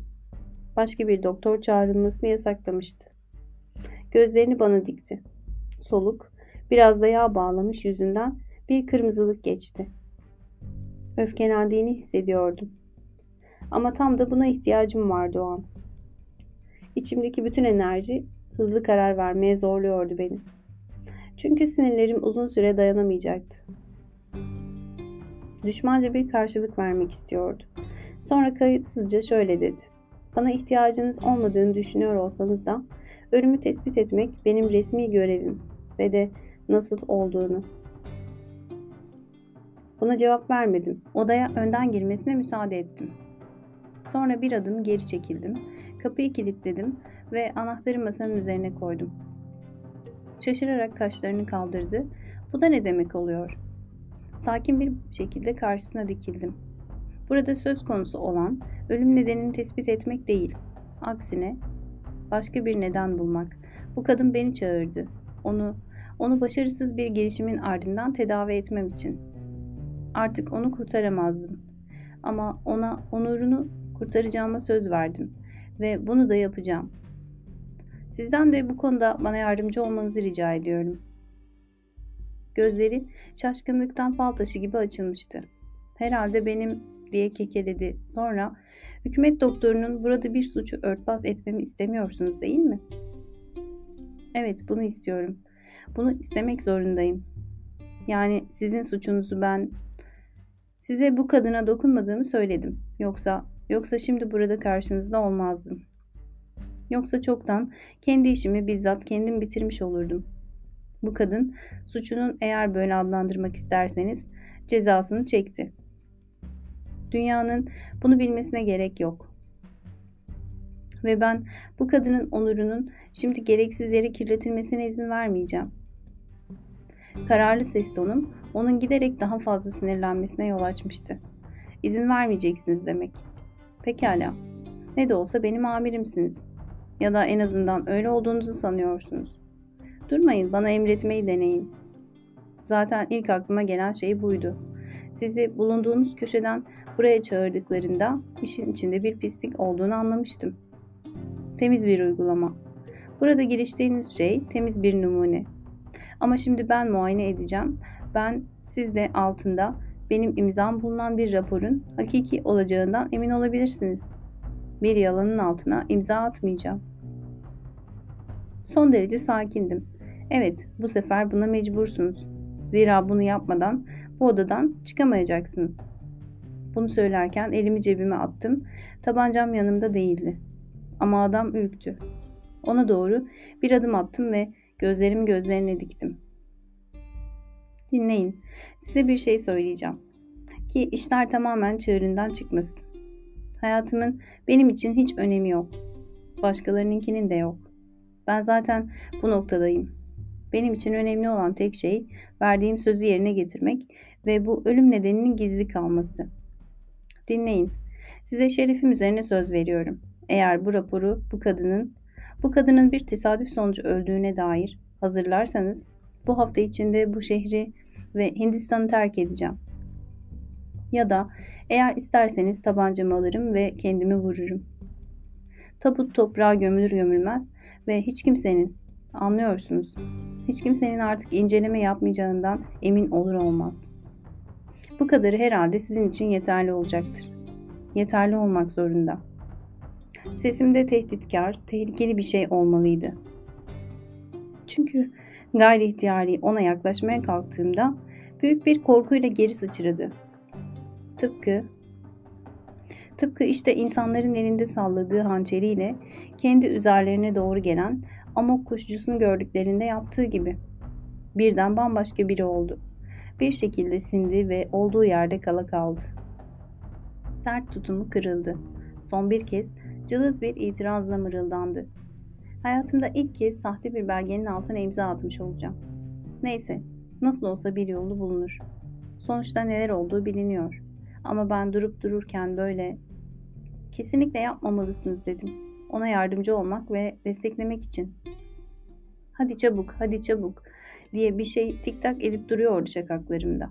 Ama şimdi sadece yaşayan birini üzeceğinizi ve ölmüş birine korkunç bir şey yapmayacağınızı bilseydiniz kesinlikle hiç tereddüt etmezdiniz.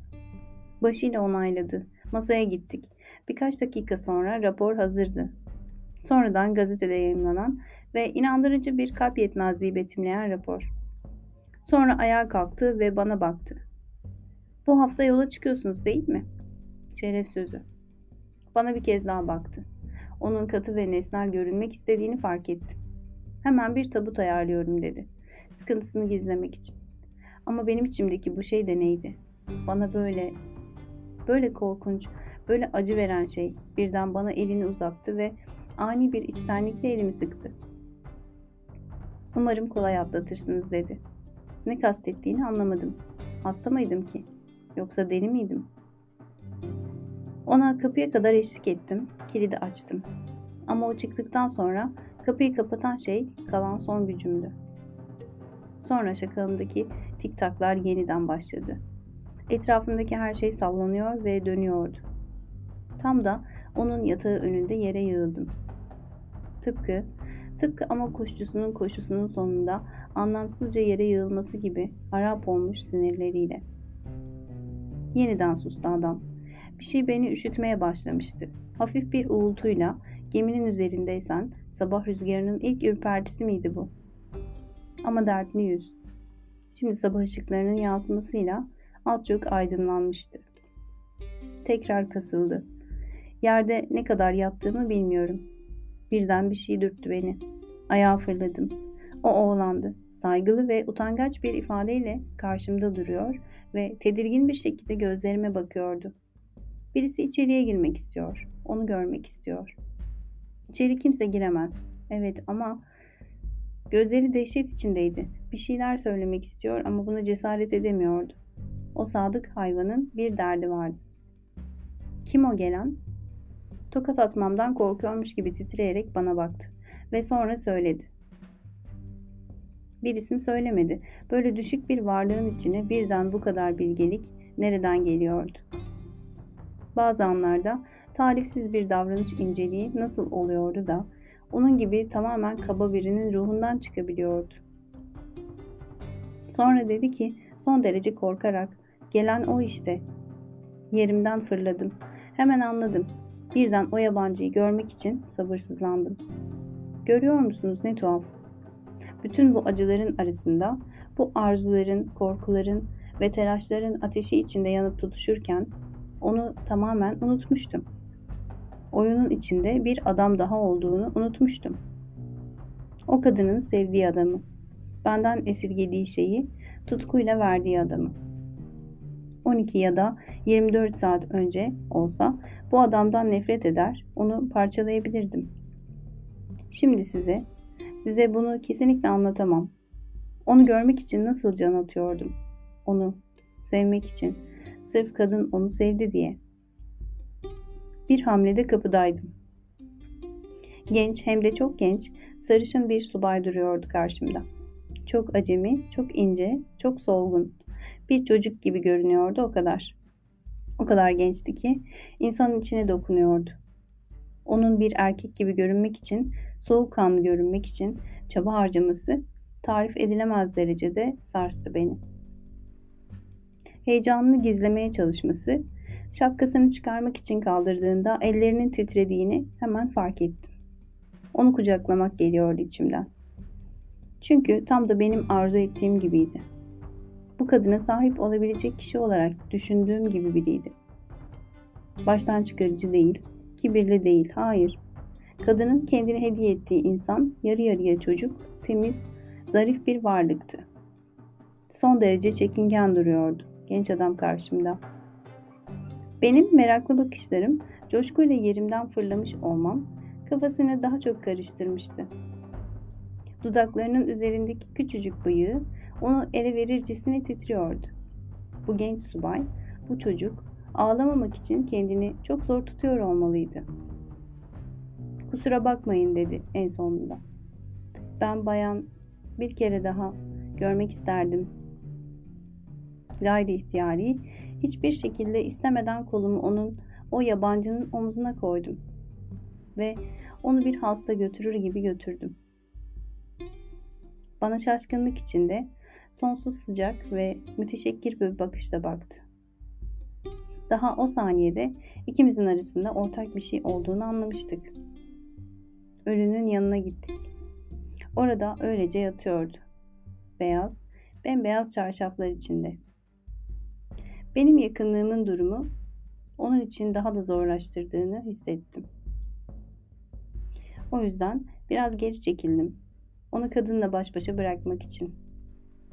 Yavaşça ona yaklaştı. Çekingen, yerde sürüklenen adımlarla.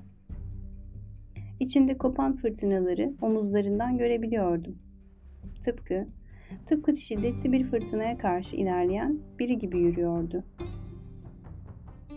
Yatağın önüne gelince birden dizlerinin üzerine yığıldı kaldı. Tıpkı daha önce benim yığılıp kaldığım gibi. Derhal öne atıldım, onu yukarı kaldırdım ve götürüp bir koltuğa oturttum. Artık utanmıyordu. Aksine acısını hıçkıra hıçkıra dışarı atıyordu şimdi. Bir şey söylemek elimden gelmiyordu. Sadece elimle gayri ihtiyari o çocuklarınki gibi yumuşak sarı saçlarını sıvazlıyordum. Elimi tuttu. Son derece nazik ve çekingen bir şekilde ve bir an bakışlarının bende takılı kaldığını hissettim. Bana gerçeği söyleyin doktor diye kekeledi. Bunu kendine kendi eliyle mi yaptı? Hayır dedim. Peki o zaman yani öl ölümünden sorumlu herhangi bir suçlu var mı? Hayır dedim tekrar. Oysa gırtlağımda duran bir şey bana acı veriyordu. Ben, ben, ben ve sen. İkimiz de. Onun inadı, o uğursuz inadı diye bağırmak geliyordu içimden. Ama kendimi tuttum. Bir kez daha tekrarladım. Hayır, kimsenin suçu yok bunda. Bu bir alın yazısı. İnanamıyorum diye inledi. Buna inanamıyorum. Daha evvelsi gün balodaydı. Gülümsüyordu, bana el sallıyordu. Bu nasıl mümkün olabilir? Nasıl meydana gelmiş olabilir? Uzun bir yalan anlattım. Kadının sırrını ona da vermedim. İki kardeş gibi konuştuk o günlerde. Adeta bizi birbirimize bağlayan duygu seli altında. Birbirimize güvenmiyorduk. Ama o da ben de ikimizin de hayatının bütünüyle o kadına bağlı olduğunu hissediyorduk. Bazen gırtlağımda düğümlenen şey dudaklarımın ucuna kadar geliyordu. Ama sonra dişlerimi sıkıp kendimi tutuyordum. Kadının ondan bir çocuk taşıdığını hiçbir zaman öğrenmedi. Benden o çocuğu, onun çocuğunu öldürmem istendiğini ve kadının kendisiyle birlikte onu da uçuruma sürüklediğini. Onun evinde gizlendiğim o günlerde sadece kadından konuştuk. Çünkü o günlerde size söylemeyi unuttum, aranmaktaydım. Kocası geldiğinde tabut çoktan kapatılmıştı. Adam doktorun tuttuğu ölüm raporuna inanmamıştı. Herkes başka bir şey anlatıyordu. O da beni arıyordu. Ama ben onu kadına acı çektirmiş olduğunu bildiğim birini görmeye katlanacak durumda değildim. Bu yüzden gizlendim. Dört gün boyunca evden çıkmadım. İkimiz de evden çıkmadık. Kadının sevgilisi bana sahte bir isimle bir gemi bileti ayarladı. Kaçabileyim diye. Kimse beni tanımasın diye bir hırsız gibi gece gizlice güverteye süzüldüm. Her şeyi geride bıraktım. Sahip olduğum her şeyi. O yedi yılın bütün çalışmalarıyla birlikte evimi, bütün mal varlığımı, hepsi isteyen herkesin alabileceği bir şekilde ortalıkta duruyor. Ve hükümetteki beyler de büyük ihtimalle çoktan üzerimi çizmiştir. Çünkü izin almadan görev yerimi terk etmiştim. Ama ben artık o evde, o şehirde, her şeyin bana onu hatırlattığı o dünyada yaşamaya devam edemezdim. Bir hırsız gibi gece yarısı kaçtım. Sadece o kadından kaçmak için. Sadece unutmak için.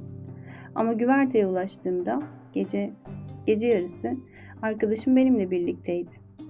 Orada. Orada vinçle bir şey yüklüyorlardı.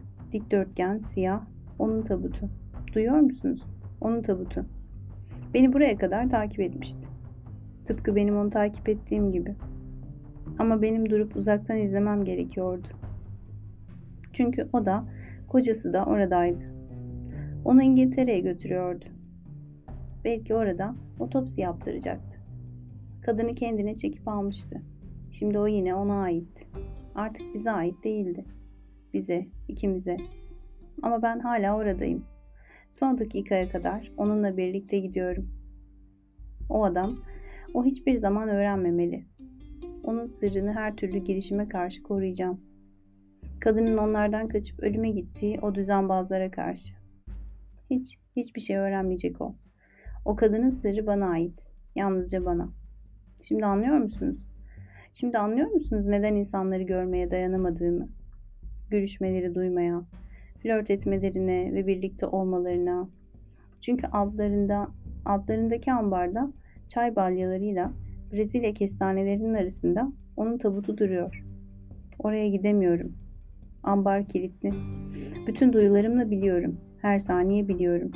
Burada vals ve tango yapsalar da bir yandan da aptalca bu deniz milyonlarca ölünün üzerinde süzülüyor. Ayak basılan her karış toprağın altında bir ölü çürümekte. Ama yine de ben katlanamıyorum. Katlanamıyorum. maskeli balolar düzenlemelerine ve şehvetle gülmelerine. O ölü, onu hissediyorum ve benden ne istediğini biliyorum. Biliyorum bir görevim daha var. Henüz işim bitmedi. Henüz onun sırrı kurtarılmış değil.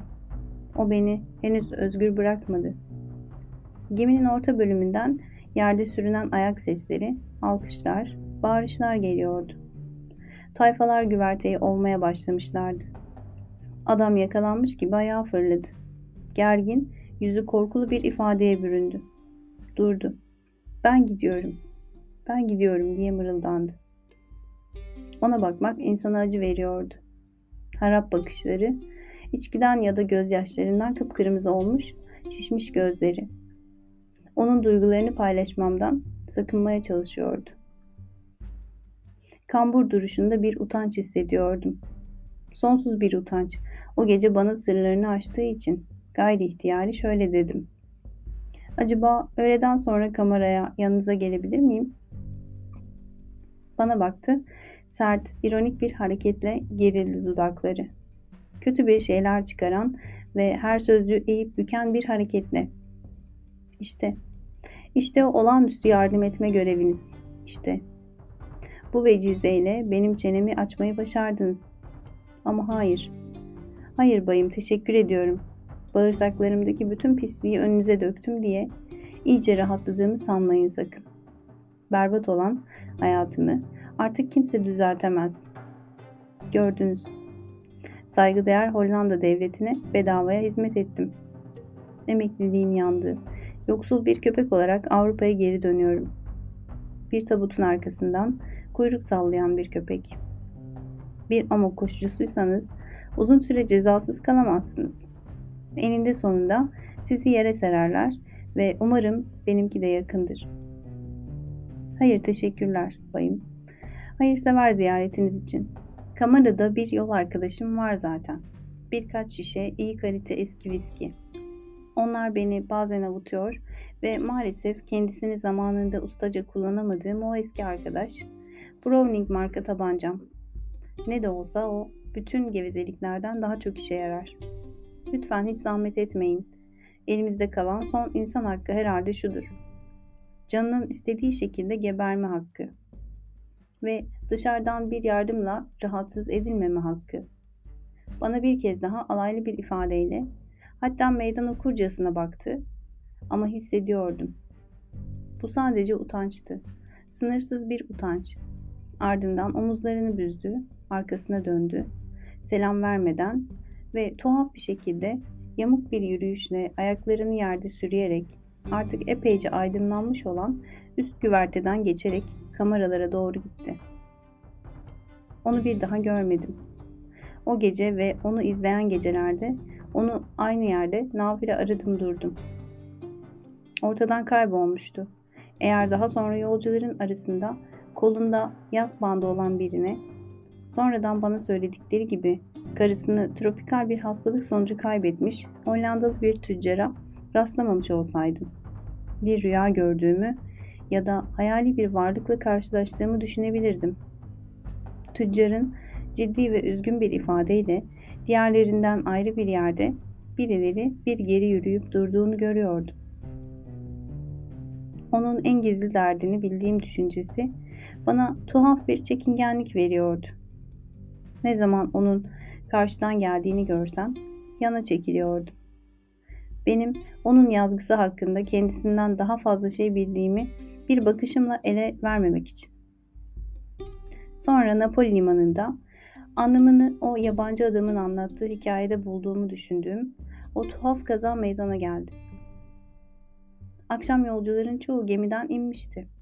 Ben de operaya ve oradan da Via Roma kıyısındaki ışıklı kafelerden birine gitmiştim.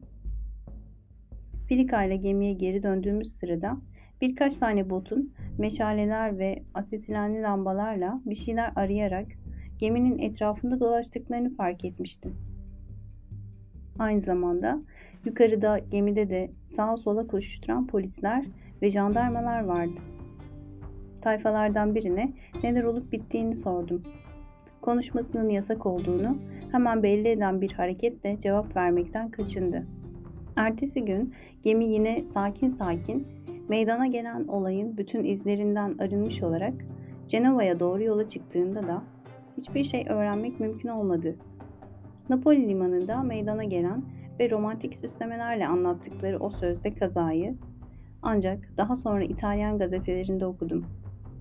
O gece diye yazmışlardı.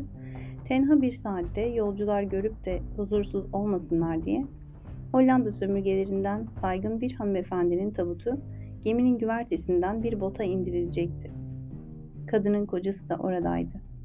Önce ip merdiven sarkıtılmıştı ki o anda yüksek güverteden aşağıya ağır bir şey düşmüş ve tabutla birlikte onu taşıyanları ve o sırada onlara yardım etmekte olan kadının kocasını da alıp hepsini denize düşürmüştü.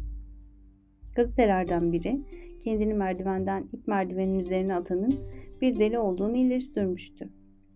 Bir başkası olayı biraz daha hafifletmiş, ip merdivenin ağırlığa dayanamayıp kendiliğinden koptuğunu yazmıştı. Sonuçta gemi şirketi yetkililerinin gerçek olayı örtbas etmek için her şeyi yaptıkları görülüyordu. Taşıyıcıları ve kadının kocasını güçlükle de olsa kurtarmayı başarmışlardı. Ancak kurşundan yapılan tabut çabucak dibe batmış ve bir daha da bulunamamıştı. Bu arada okurlar bir başka notta kısacık anıldığı üzere 40 yaşlarında bir adama ait bir cesedin liman civarında karaya vurmuş olmasıyla romantik bir dille bildirilen kaza arasında bir bağlantı kurmamışlar gibi görünüyordu. Bu geçiştirilmiş satırları okur okumaz gazete sayfasının arkasından ay beyazlığında bir yüzün parlak gözlüğüyle bir hayalet gibi bana baktığını hissettim.